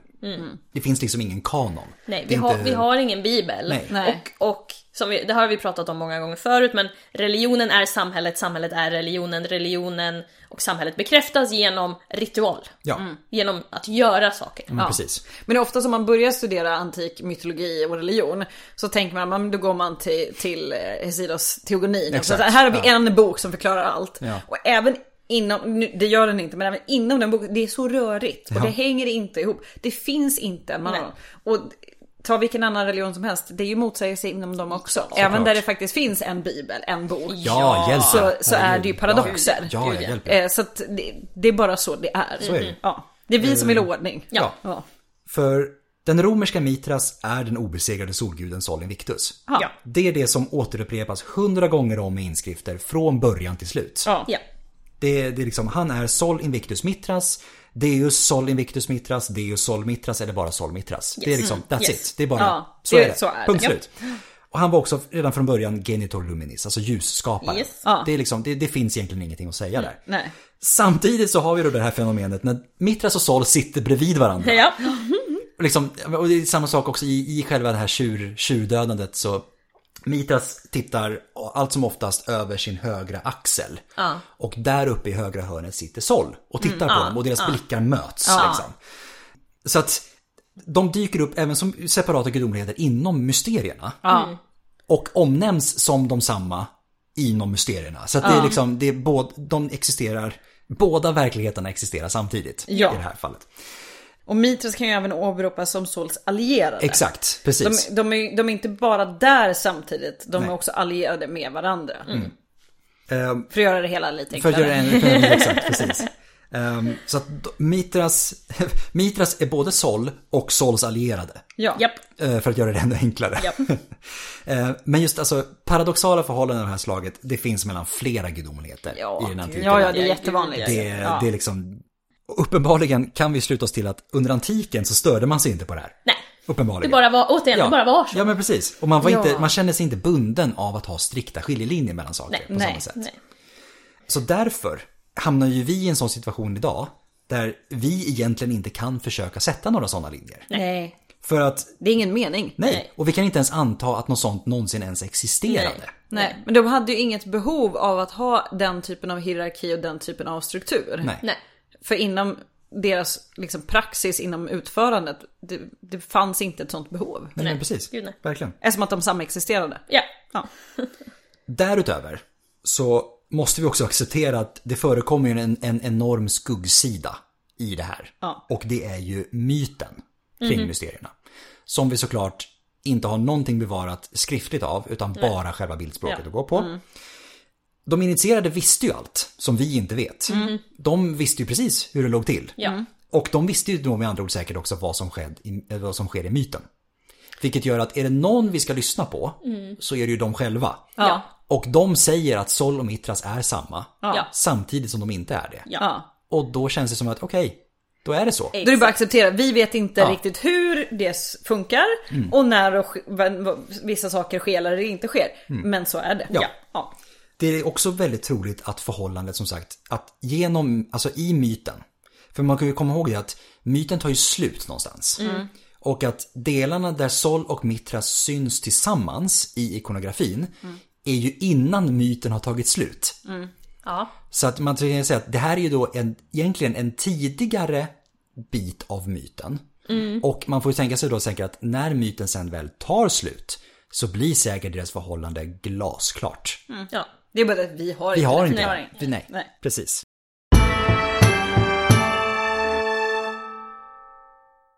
Så att... eh, Ja. Det är helt enkelt bara att acceptera att vi Nu, är inte alla, nu är alla på det klara med att det inte är klart.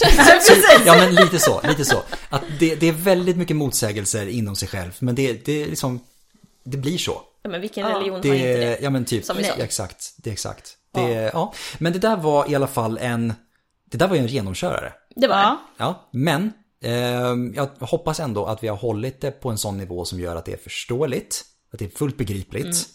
Och att det i alla fall går att få någon liten ins insyn i vad som är fast belagt på något sätt. Ja, Eller vad man kan i alla fall, vad man kan grunda någonting på. Ja, och kanske något vad- som man kan ha med sig om man då läser annat Ja, som precis. säger att så här Ja, var det. ja. Och komma ihåg att det finns otroligt lite faktiska bevis. Ja. Att dra väldigt eh, specifika idéer kring Mm. myten eller Ja. kring hur kulten Visst. såg ut eller vad man gjorde. Mm. Går faktiskt inte att göra idag. Exakt. Nej. Nej.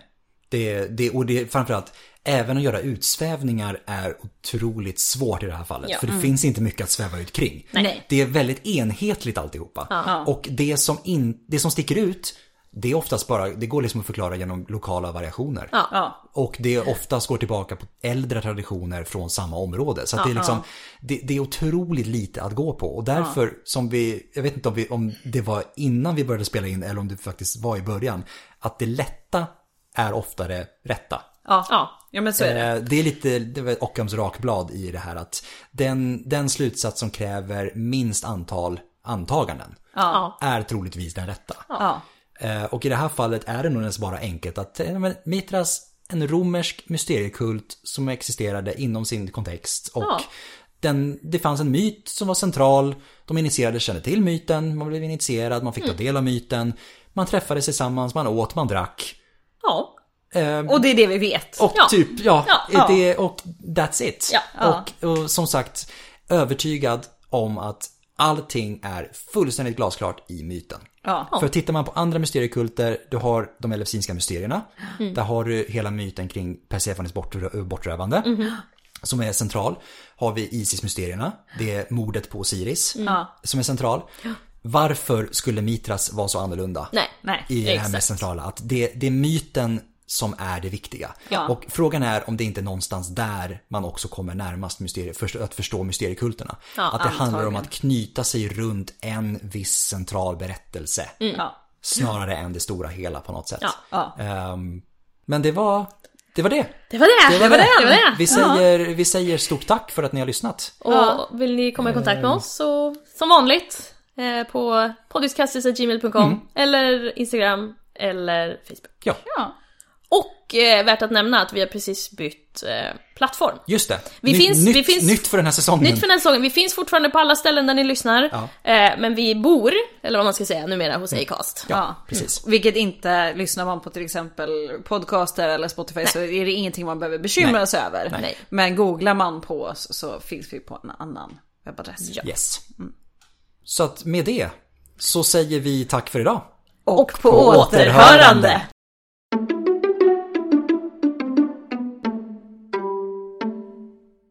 Det är, ja. Jag åt ju på en jättebra italiensk i Gamla stan.